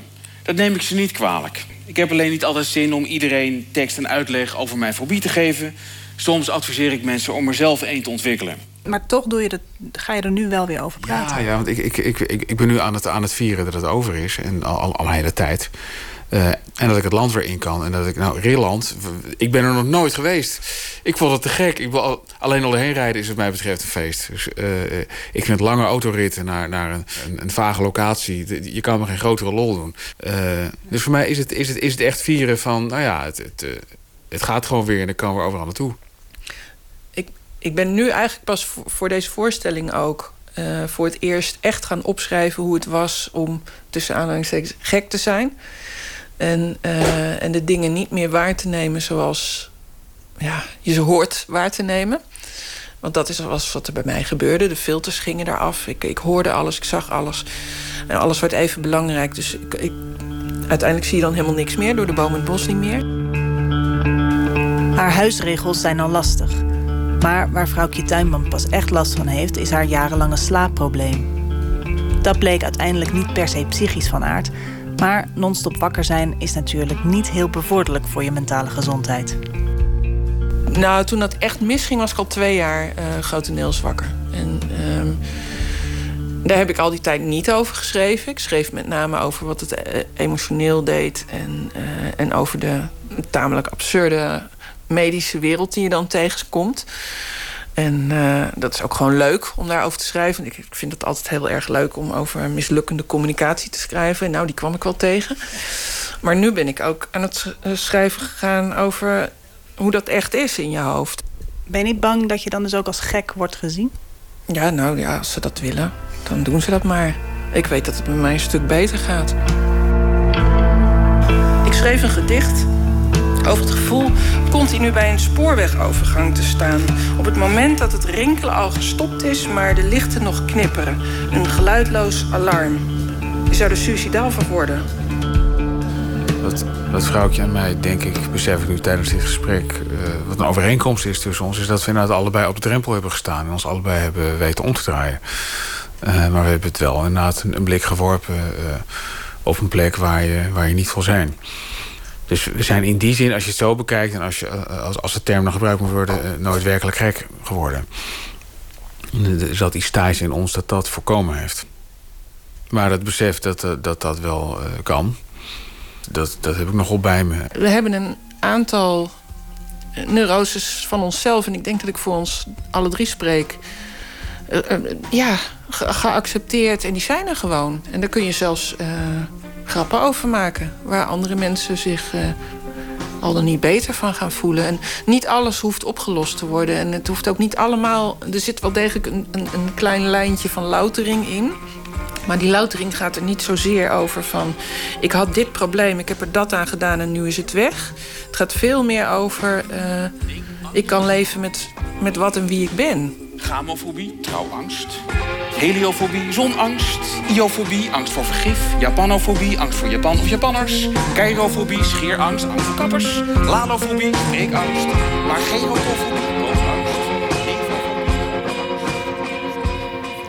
Igmar Heits en vrouwtje Tuinman over de voorstelling Neurosen en andere hobby's die ze samen met eh, Hans Dorrestein hebben gemaakt.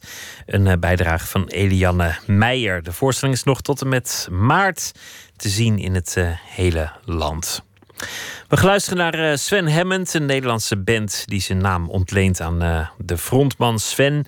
En, en natuurlijk het Hammond-orgel dat hem begeleidt met een heel leuk gezelschap eromheen. Het nummer heet Lazarus.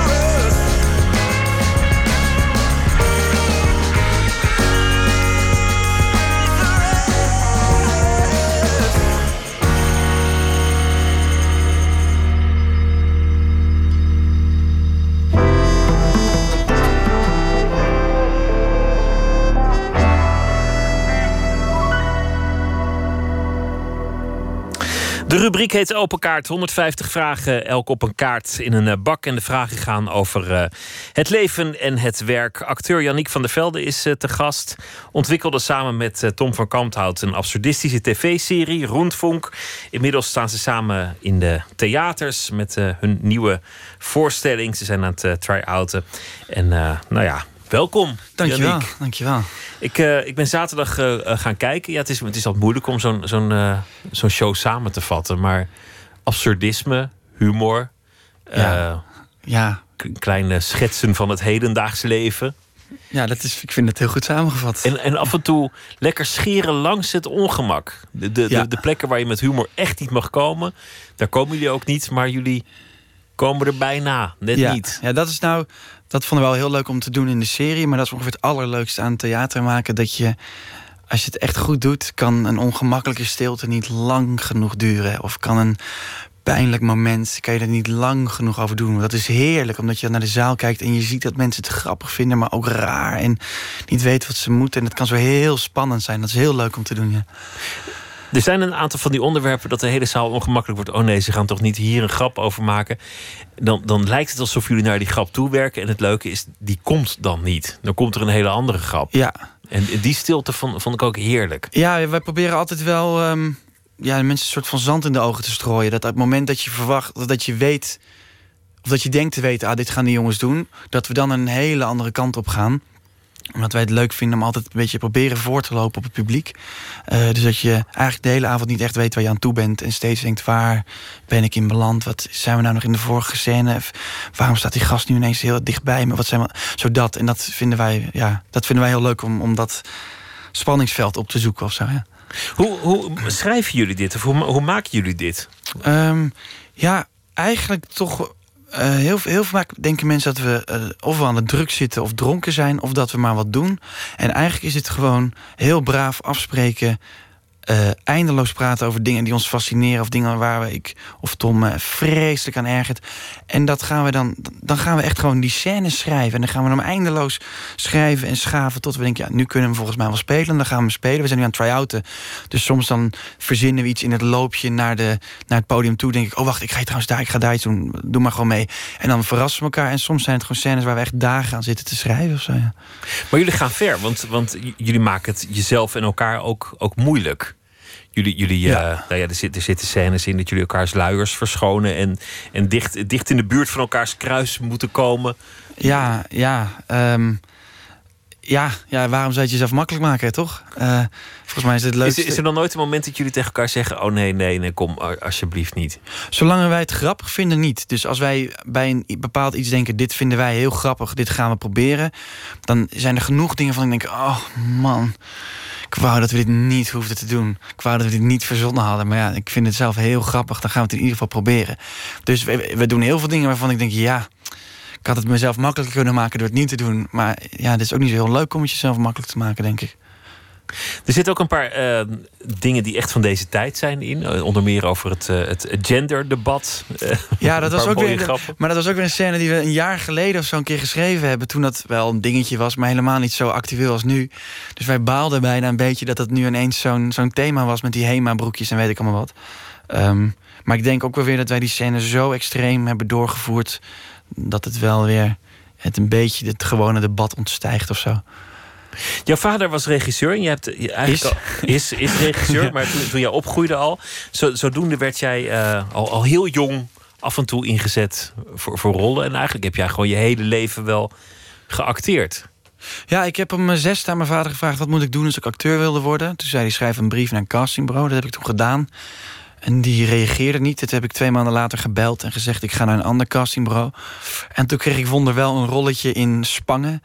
met Monique van de Ven en uh, Linda de Mol. En zo gaandeweg ging het een beetje rollen. En ik heb ook één of twee keer inderdaad uh, iets kleins gedaan... bij mijn vader toen ik jong was. En uh, ja, ik vond het altijd fascinerend om op zo'n filmset te staan... en dat het hele gebeuren te zien. En al die mensen die heel hard werken... voor één heel klein onderdeeltje van zo'n film... of ik wilde dat ook. Ik wilde niets liever. Uh, ik heb ook nooit iets anders... Ja, voetballer natuurlijk, kent iedereen. Uh, maar verder heb ik nooit iets anders gewild dan acteur worden. Maar ook eh, redelijk serieuze rollen, zoals eh, in, in Brief aan de Koning, waar je dan eh, de, de jonge paasje speelt die, eh, die tot een ridder hoopt te schoppen, bijvoorbeeld. Ja, dat was ook wel, dat was een enorm. het- Ik wilde eigenlijk na, ik had op de middelbare school in Oranje gedaan. Daarna was ik een beetje ontgoocheld, omdat ik best wel veel herkend werd en daar best wel veel last van had, veel gepest werd en zo. Toen dacht ik, ik ga nooit meer acteren. En toen was ik de dag dat ik mijn eindexamen had gedaan, werd ik gebeld door de regisseur van Brief voor de Koning van ja, eh, wil jij in die film gaan spelen? En dat vond, ik had eigenlijk net besloten van ik ga dat niet meer doen. En toen dacht ik, ja, maar dit is zo, dit komt zo goed op mijn pad. En toen ik dat weer had gedaan, dacht ik, ja, dit is zo vet. Dit wil ik eigenlijk voor eeuwig doen. Maar nu ben je, ben je ook nog die, die komische kant erbij gaan doen. Wat, wat ook alles met acteur, acteren te maken heeft. Maar jullie zitten wel op, op de rand van, van het zijn van een, een komiek of een, een Ja, absurdist. raar of, is dat, ja, hè? Ja. Ja, dat was ook helemaal niet echt mijn plan. Ik dacht, eh, als je me tien jaar geleden had gevraagd hoe ik hier nu zou zitten... dan hadden we nu een gesprek over mijn ontzettend serieuze rollen in- bij toneel. En dat ik nu toch al twee rollen in het buitenland had gedaan. Dat, men, dat ik nu in Franse films zou zitten en weet ik allemaal wat. Ik had dat, dat, dat beeld altijd van ik word een heel serieus mens. Een heel serieus acteur. En dat is niet helemaal gelukt, dat serieuze. Maar dat vind ik eigenlijk wel fijn. Ik, ja, ik kwam bij Tom in de klas op de toneelschool. En wij hadden meteen een klik. En we hadden meteen dezelfde fascinatie en passie voor heel veel soort komische, absurdistische dingen. En we gingen dat gewoon de hele tijd op school samen maken. En ik werd daar veel enthousiaster van dan van de Shakespeare dingen die we moesten doen op de toneelschool. Dus ja, zodoende eigenlijk. Zo is het gelopen. La- laten we beginnen met eh, de vragen. Ik wil je vragen. Ik mag gewoon hier ja. zelf eentje pakken, oké. Wat is je grote ondeugd? Wat is mijn grote ondeugd? Ehm, jeetje, dat is meteen een goede vraag. Ehm, dat is eigenlijk gewoon... Ja, wat is mijn grote ondeugd? Ik Playstation te veel. Ik. Onmatigheid met de PlayStation. Ja, ik heb nu, ja, toch denk ik, ja, ik vind dat, ik hou daar niet van eigenlijk, maar toch kom ik, als ik zo nu naar huis zou gaan, dan zou ik prima nog wel een paar uur mensen kunnen neerschieten online. Schieten, schieten is het leukste? Ja, toch wel. Ja, dat is stom, hè? Ik vind ook, ik had mezelf heel goed beschermd ertegen, want het was altijd één spel dat ik vroeger heel veel speelde. Oh, ik bedoel, ik moet ook zeggen, ik ben geen gameverslaafd, totaal niet. Maar ik zou eigenlijk willen dat ik al die tijd die ik had besteed aan mensen online neerschieten, had besteed aan het lezen van goede boeken of het drinken van goede wijn of het leren van een nieuwe taal. Want dan had ik nu toch, ja, kan nu toch wel, ik zou zo nog wel even een uurtje of anderhalf kunnen gaan spelen. En denk ik, ja, had ik ook iets nuttigs kunnen gaan doen eigenlijk. Ik snap dat wel. Ik had, ik had een, een, PlayStation ooit en dan, dan kon je de Tweede Wereldoorlog winnen. Ja, nou ja, dat en wil dat, je. dat zag er zo goed uit. Maar toen, toen, toen dacht ik op een gegeven moment, ja, ik kan nu wel boodschappen gaan doen, maar de vrije wereld wacht ik, moet, op me. ik moet gewoon iedereen bevrijden van de Duitsers. ja, als ik het niet doe, wie doet het dan? Precies dat, ja. En op een gegeven moment, ja, en op een gegeven moment, dat is ook dat is de fuik waar je inloopt bij die online spellen. Dat er geen plafond aan zit. Dat je, het is niet gewoon dat je het uitspeelt. Dus dan er is altijd wel weer iets te winnen. Of ik kan altijd wel weer een nieuw kleurtje voor mijn, voor mijn sniper rifle winnen. Je wilt En oplossen, ik- ja, ja. ik heb nu een gouden sniper. Als ik jou met mijn gouden sniper in je rug schiet, dat is nog vetter dan wanneer ik je met mijn gewone sniper in je rug schiet. Wat niet waar is, maar wa- wat me wel dan toch af en toe net een uurtje te lang op een dag bezig kan houden. En nergens goed voor, dat is ook zo goed Ja, eraan. ja. Laten we nog een vraag doen. Oké. Waar erg je je aan? Goh, heb je even. Aan ook heel veel dingen. Ehm, Ja? ja?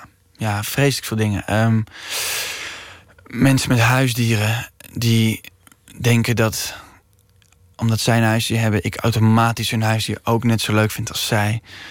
Ehm, aan ongeveer iedereen in het verkeer. Ook aan mezelf. Ik, krijg me, ik word helemaal gek van mezelf op een dag, honderd keer per dag.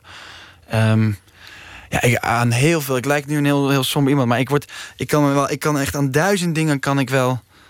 Kan, kan ik me wel ergeren, maar eigenlijk misschien wel het meest aan mezelf eigenlijk. Is dat ook een vertrekpunt voor, voor, je, voor je werk, voor zo'n sketch? Ja, zeker. Nee, zo'n genderscène. Ja. Ik word helemaal. Ja, ik denk, we houden het op, snap je? Als we op een gegeven moment in ons paspoort niet meer mogen schrijven man, vrouw. Kan ik dan in mijn paspoort zeggen, ja, ik ben 1,90 meter, maar ik voel me 1,60 meter. Ik wil graag 1,60 meter in mijn paspoort. Of ja, er staat dat ik ben geboren in Utrecht, maar ik had het vetter gevonden om in Noordpool geboren te zijn. Mag ik dat dan in mijn paspoort? Ik vind dat dan op een gegeven moment, denk ja, hoe ver kan je zo'n discussie doorvoeren? En dat heb ik bij heel veel scènes. Ik bedoel, we hebben ook een scène over, ja, misschien vrouwenvriendelijk om te zeggen, maar wij schreven heel vaak op terrassen. Dan waren we gewoon aan het praten. En dan hoorden we eindeloos veel vriendinnen altijd met elkaar praten. En de gesprekken die sommige vriendinnen met elkaar voeren... ja, daar weet ik ook niet wat ik hoor. Dat ik dan denk, jullie hebben elkaar nu al 25 keer eh, bevestigd in wat jullie zeggen... maar in net andere frasering. En jullie lijken het zelf niet door te hebben. Nou, daar hebben we dan een scène over gemaakt van twee vriendinnen... die ongeveer voortdurend hetzelfde tegen elkaar zeggen... maar net anders verwoord. Dat vind ik dan ook wel heel grappig. Maar ergens denk ik ook, kom op...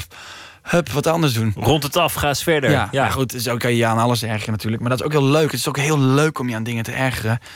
Dat vind ik ook heel leuk. Is het ook? Ja, dat houdt het allemaal wel een beetje... Dat je, ja, is een beetje kwaad worden over dingen. Heerlijk. Ja. Laten, laten we nog zo'n vraag Nog eentje? Ja. Hoppa. Welke kritiek van anderen krijg je soms te horen? Ehm, ja, genoeg. Even denken dat ik heel ongeduldig ben. Dat ik druk ben. Dat ik niet goed tegen kritiek kan. Maar dat vind ik, dat vind ik wel de gemeenste kritiek die je kan geven. Want dat is natuurlijk een soort, soort cirkel. Je kan er niks mee. Want als ik tegen jou zeg, je kan niet tegen kritiek... dan kun je het of beamen. Of je zegt, nee, dat is niet zo. Dan Ja, ik, je staat dan zeg ik- schaakmat. Dan zeg ik, zie je wel. Dus dat vind ik altijd een beetje een laffe. Ehm, moet je zeggen, ik kan wel tegen kritiek als het goed onderbouwd wordt. Oh ja, dat is een goeie. Oh nee, dan gaan ze onderbouwen. Dat Ja, moet dan je ook ze onderbouwen. Jij hebt kapot gemaakt. Nee, is ook niet Eh, welke kritiek van anderen krijg je soms te horen? Ehm, ja, ongeduldig, niet goed tegen kritiek kunnen, eh, te veel praten, te druk, eh, eh, slordig, eh, een beetje laks misschien in sommige dingen. Maar dat is ook weer dat ik voor mezelf allemaal vind. Ja, dat denk ik een beetje. De, de gebruikelijke dingen beetje, eigenlijk. ja. Wat is nou go- echt een, een goede? Nee, ja, ik weet even geen. Nou ja, Nou, laten pak, we nog maar pak er nog een. Wat is je sterkste eigenschap? Ehm, dan zou ik daarvan zeggen. Dat is ook wel weer een cliché natuurlijk, maar. ehm, dat ik, ik kan niets, niets half doen. Dus dat is misschien ook weer. Ook, ja, dat is ook een slap, een slap antwoord. Maar het is wel zo dat ik. Als ik ergens, als ik ergens me aan het verbind of ergens voor ga, dan, dan ben ik ook. Dan doe ik dat helemaal tot ik op ben. Dus zeg maar. eh, als, ik, als ik nu een week speel, dan lig ik zondag echt, kan ik niks. Dan ben ik helemaal stuk, omdat ik dan wel een week lang alles daarvoor geef. En als ik aan iemand, als ik met iemand een vriendschap aanga of weet ik wat, dan probeer ik er altijd wel voor iemand te zijn. Dus ik denk dat ik wel best wel eh, ja, gewetensvol of zo. Of dat ik, ja, ik probeer wel eerlijk in dat soort dingen te, te zijn of zo. We gaan er nog een. eh, Nog het- één. Het gaat zo lekker. Gaat het lekker? Ja. Waar denk je aan als je in een tandartsstoel ligt? Nergens aan, want ik lig niet in een tandartsstoel, want ik haat de tandarts. Ik ben bang voor de tandarts. En ik ben in tien jaar tijd één keer geweest. Oh, maar je moet af en toe toch wel even laten. Nee, oké. nee ik, vind het, ik vind het verschrikkelijke mensen. Mijn tandarts in Utrecht eh, heeft ooit tegen mijn zus gezegd... en dat was ook echt een reden dat ik op een gegeven moment niet meer wilde... eh, die, mijn zus is gewoon slank, maar er is verder niks meer aan de hand. En toen ging hij hele suggereren tegen, bij haar dat ze bulimia had... omdat ze weinig glazuur had. En dan bleef hij maar zo pushen. En toen vond ik hem zo'n lul dat ik dacht, ik ga niet meer naar jou... En dat heb ik toen een soort van doorgevoerd. En dat met een paar tandartstrauma's heeft ervoor gezorgd dat ik nooit naar een tandarts ga. Je hebt gewoon de hele beroepsgroep tandarts Ja, afgezworen. Maar dat is heel dom, want mijn moeder was is kwaad erover. Want die denkt, ja, ik heb je tot je achttiende keurig naar de tandarts laten gaan... en met een goed gebit afgeleverd. En straks heb je geen tanden meer in je mond omdat je niet meer gaat. Maar ja, dat is... eh, Maar als je echt een goed gebit hebt, dan zal het ook wel loslopen, toch? ik hoop het. Ik pak nog een kaartje. Ja joh, we zijn er vanaf. Van mij te schelen. Waar lig je van wakker? Ook een goede vraag. Ik lig heel veel wakker. Ik slaap heel slecht. Ehm, maar ik lig wakker van... Op dit moment bijvoorbeeld... lig ik wakker van het feit dat ik bang ben dat mijn stem ermee ophoudt. Omdat ik zoveel moet spelen. En dat je een hele tour te gaan hebt en Ja. dat je dan niet meer kan, eh, kan Daar lig praten ik of wakker schreeuwen. van. Ehm, maar ik kan echt van alles wakker liggen. Wel topperig, toch? Ja, maar soms ook. Ik heb ook altijd.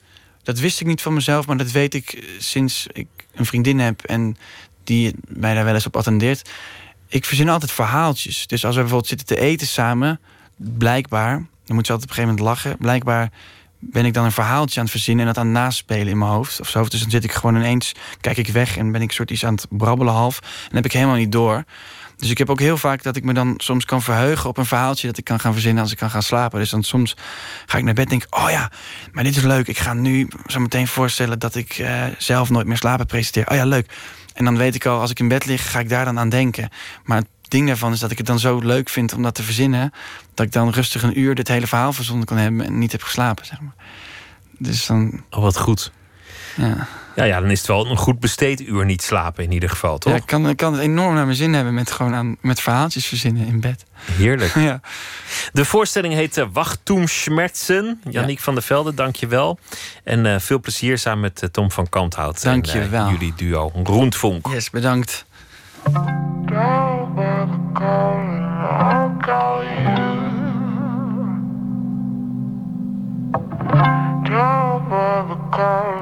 I'm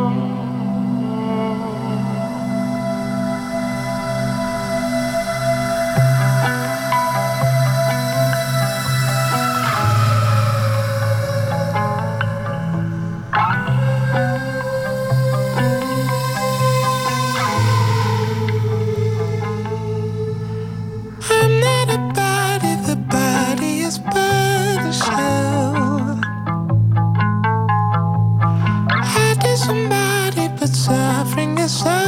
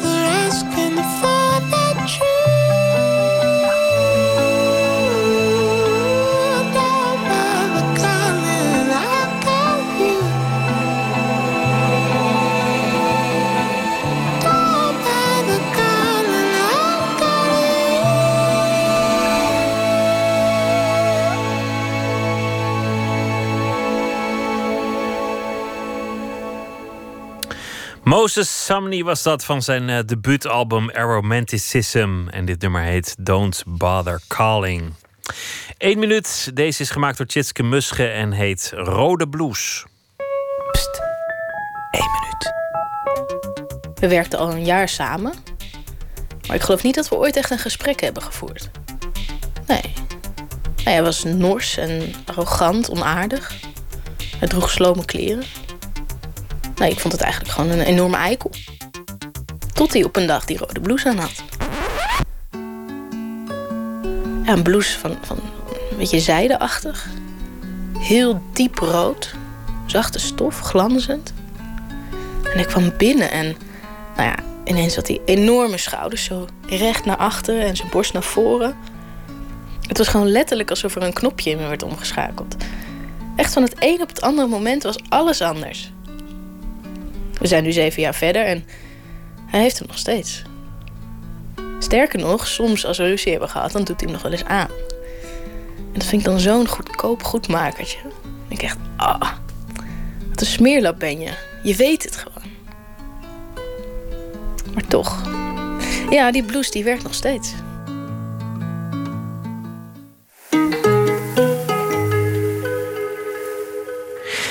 Erik-Jan Harmens is deze week onze vaste schrijver. Elke dag eh, zal hij een eh, bericht uitkiezen en uitwerken tot eh, een verhaal. Erik-Jan, goeienacht. Goeienacht, Pieter. Wat is het vandaag geworden? Nou ja, het is vandaag, zoals je misschien wel weet, uh, Wereldtoerismedag. Dus van de week van de eenzaamheid gaan we naar Wereldtoerismedag. Ja, precies. Dus ja, daar heb ik natuurlijk iets over geschreven. Wat, wat houdt het eigenlijk in Wereldtoerismedag? Nou ja, dat staat op zich achter in de column. Dus ik kan niet alles weggeven, maar het is een initiatief van de Verenigde Naties.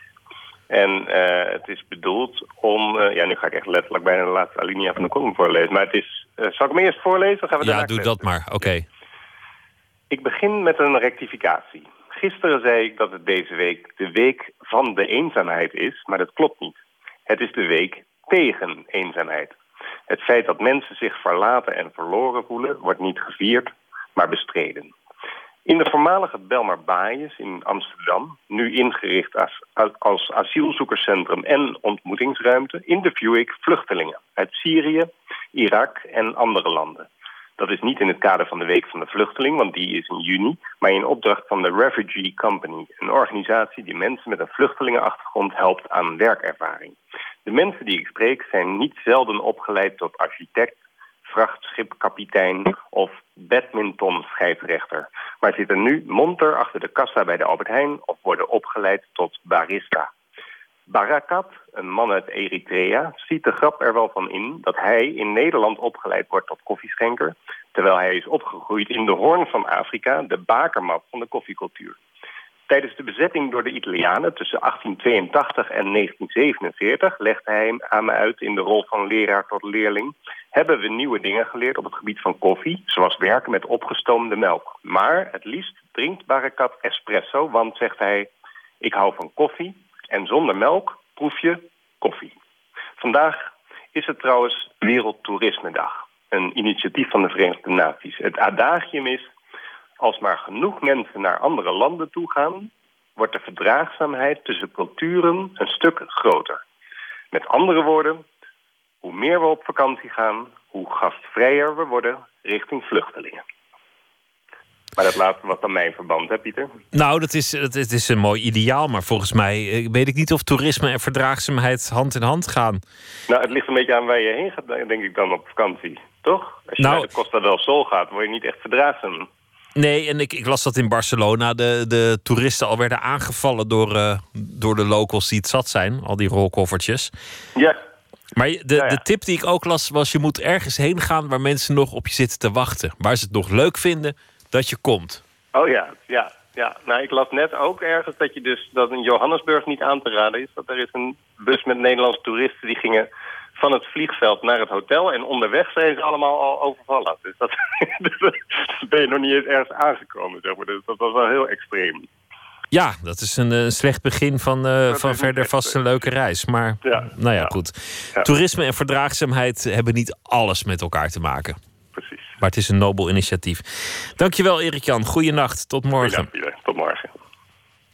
De Canadees Live Volleback is uh, geïnspireerd door Neil Young, Bob Dylan en uh, dat soort artiesten. Een nieuwe plaat vol melancholische beschouwingen. Dit nummer heet Energy.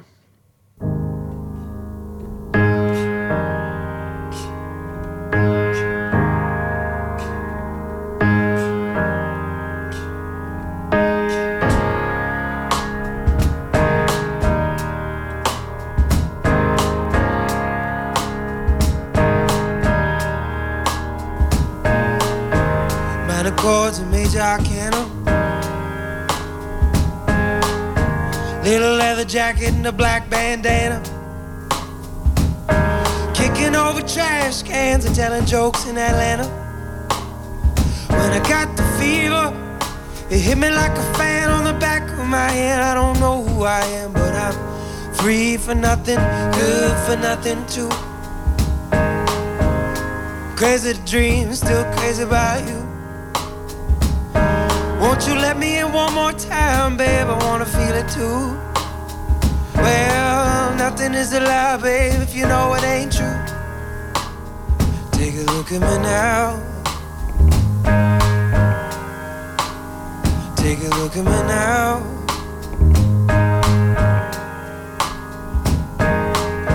Reparations now coming my way. Recollected that I never paid. In the stained glass windows, babe, I feel the presence, oh yeah. But that don't mean I'm done with repentance, oh no. Gonna find another way to climb out of this basement. Gonna find out what that smile on your face meant. Like a thief that you borrow, baby, take hold of me, take flight. I do your bidding, babe. I wanna steal away in the night. Take a look at me now. Take a look at me now.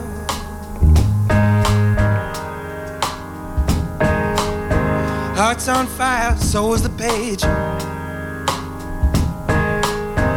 Everybody around here's telling me to act my age. I'm trying. Things are only revealed in the light that is given. Oh, to be free from the pardon when all else is forgiven. Rain outside's blowing in the curtains. Nothing is revealed, but nothing is for certain. As I recall, you was drinking from the sanctuary wine. Well, don't worry, baby. We'll find all of our lost time. Take me. Take a look.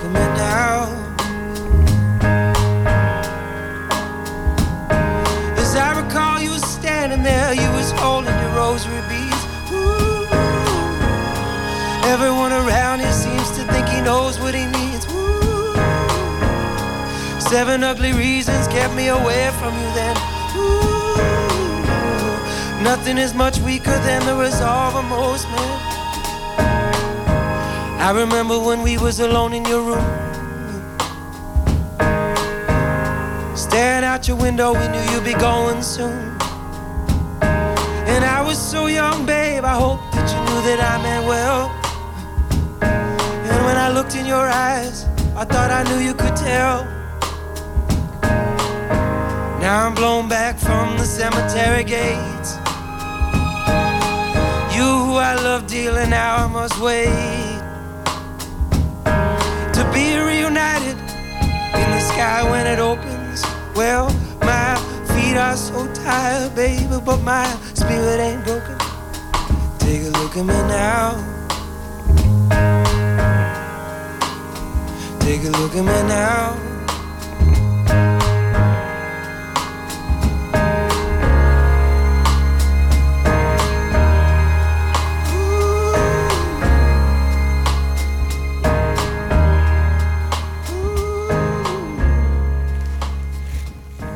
Live Volleback met het nummer Energy.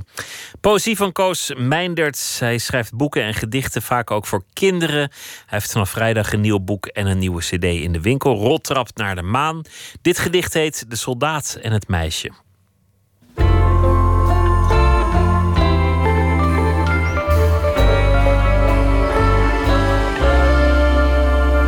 De soldaat en het meisje. Soldaatje, soldaatje, ach trouw je met mij... met trommel en fluit en geweer van opzij? Nee, meisje, nee, ik heb er geen jas... en zonder een jas geeft trouwen geen pas. Het meisje rende naar kleermaker Kas... en kocht er een duffelse jas. Soldaatje, soldaatje, ach trouw je met mij... met trommel en fluit en geweer van opzij? Nee, meisje, nee, ik heb een gat in mijn schoen... en met een gat in mijn schoen is dat niet te doen. Het meisje rende naar schoenmaker Koen... die lapte het gat in de schoen. Soldaatje, soldaatje, ach trouw je met mij? met trommel en fluit en geweer van opzij. Nee, meisje, nee, ik heb geen kousen meer aan en op blote voeten zal trouwen niet gaan. Het meisje rende naar Betje van Brei en kocht witte kousen met kwastjes opzij. Soldaatje, soldaatje, ach trouw je met mij, met trommel en fluit en geweer van opzij. Nee, meisje, nee, ik heb er geen hoed en zonder een hoed gaat trouwen niet goed. Het meisje rende naar de weduwe Knoet en kocht er een prachtige hoed. Soldaatje, soldaatje, ach trouw je met mij, met trommel en fluit en geweer van opzij. Nee, meisje, nee, ik trouw niet met jou. Ik heb thuis al een vrouw. Nou, dit is uh, uh, een gedicht niet oorspronkelijk van mezelf, maar een vertaald gedicht. Ik heb een aantal uh, nursery rhymes vertaald en bewerkt en naar mijn hand gezet. Uit het Engels, van Humpty Dumpty. en ook dus de soldier en de maid. De soldaat en het meisje. Soldaatje, soldaatje, ach trouw je met mij met trommel en fluit en geweer van opzij. Nee, meisje, nee, ik heb er geen jas. En zonder een jas geeft trouwen geen pas. Het meisje rende naar kleermaker Kas en kocht er een duffelse jas. Soldaatje, soldaatje, ach trouw je met mij, met trommel en fluit en geweer van opzij? Nee, meisje, nee, ik heb een gat in mijn schoen en met een gat in mijn schoen is dat niet te doen. Het meisje rende naar schoenmaker Koen, die lapte het gat in de schoen. Soldaatje, soldaatje, ach trouw je met mij, met trommel en fluit en geweer van opzij? Nee, meisje, nee, ik heb geen kousen meer aan. Ja, en op blote voeten zal trouwen niet gaan. Het meisje rende naar Betje van Brei en kocht witte kousen met kwastjes opzij. Soldaatje, soldaatje, ach trouw je met mij, met trommel en fluit en geweer van opzij? Nee, meisje, nee, ik heb er geen hoed en zonder een hoed gaat trouwen niet goed. Het meisje rende naar de weduwe Knoet en kocht er een prachtige hoed. Soldaatje, soldaatje, ach trouw je met mij, met trommel en fluit en geweer van opzij? Nee, meisje, nee. Ik trouw niet met jou. Ik heb thuis al een vrouw.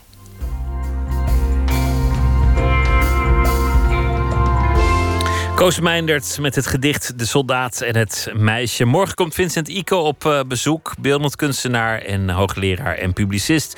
Een nieuw boek, uh, Reisbureau Einstein... over uh, buitenaards leven en heel veel andere onderwerpen. Dat allemaal morgen. Voor nu een hele goede nacht.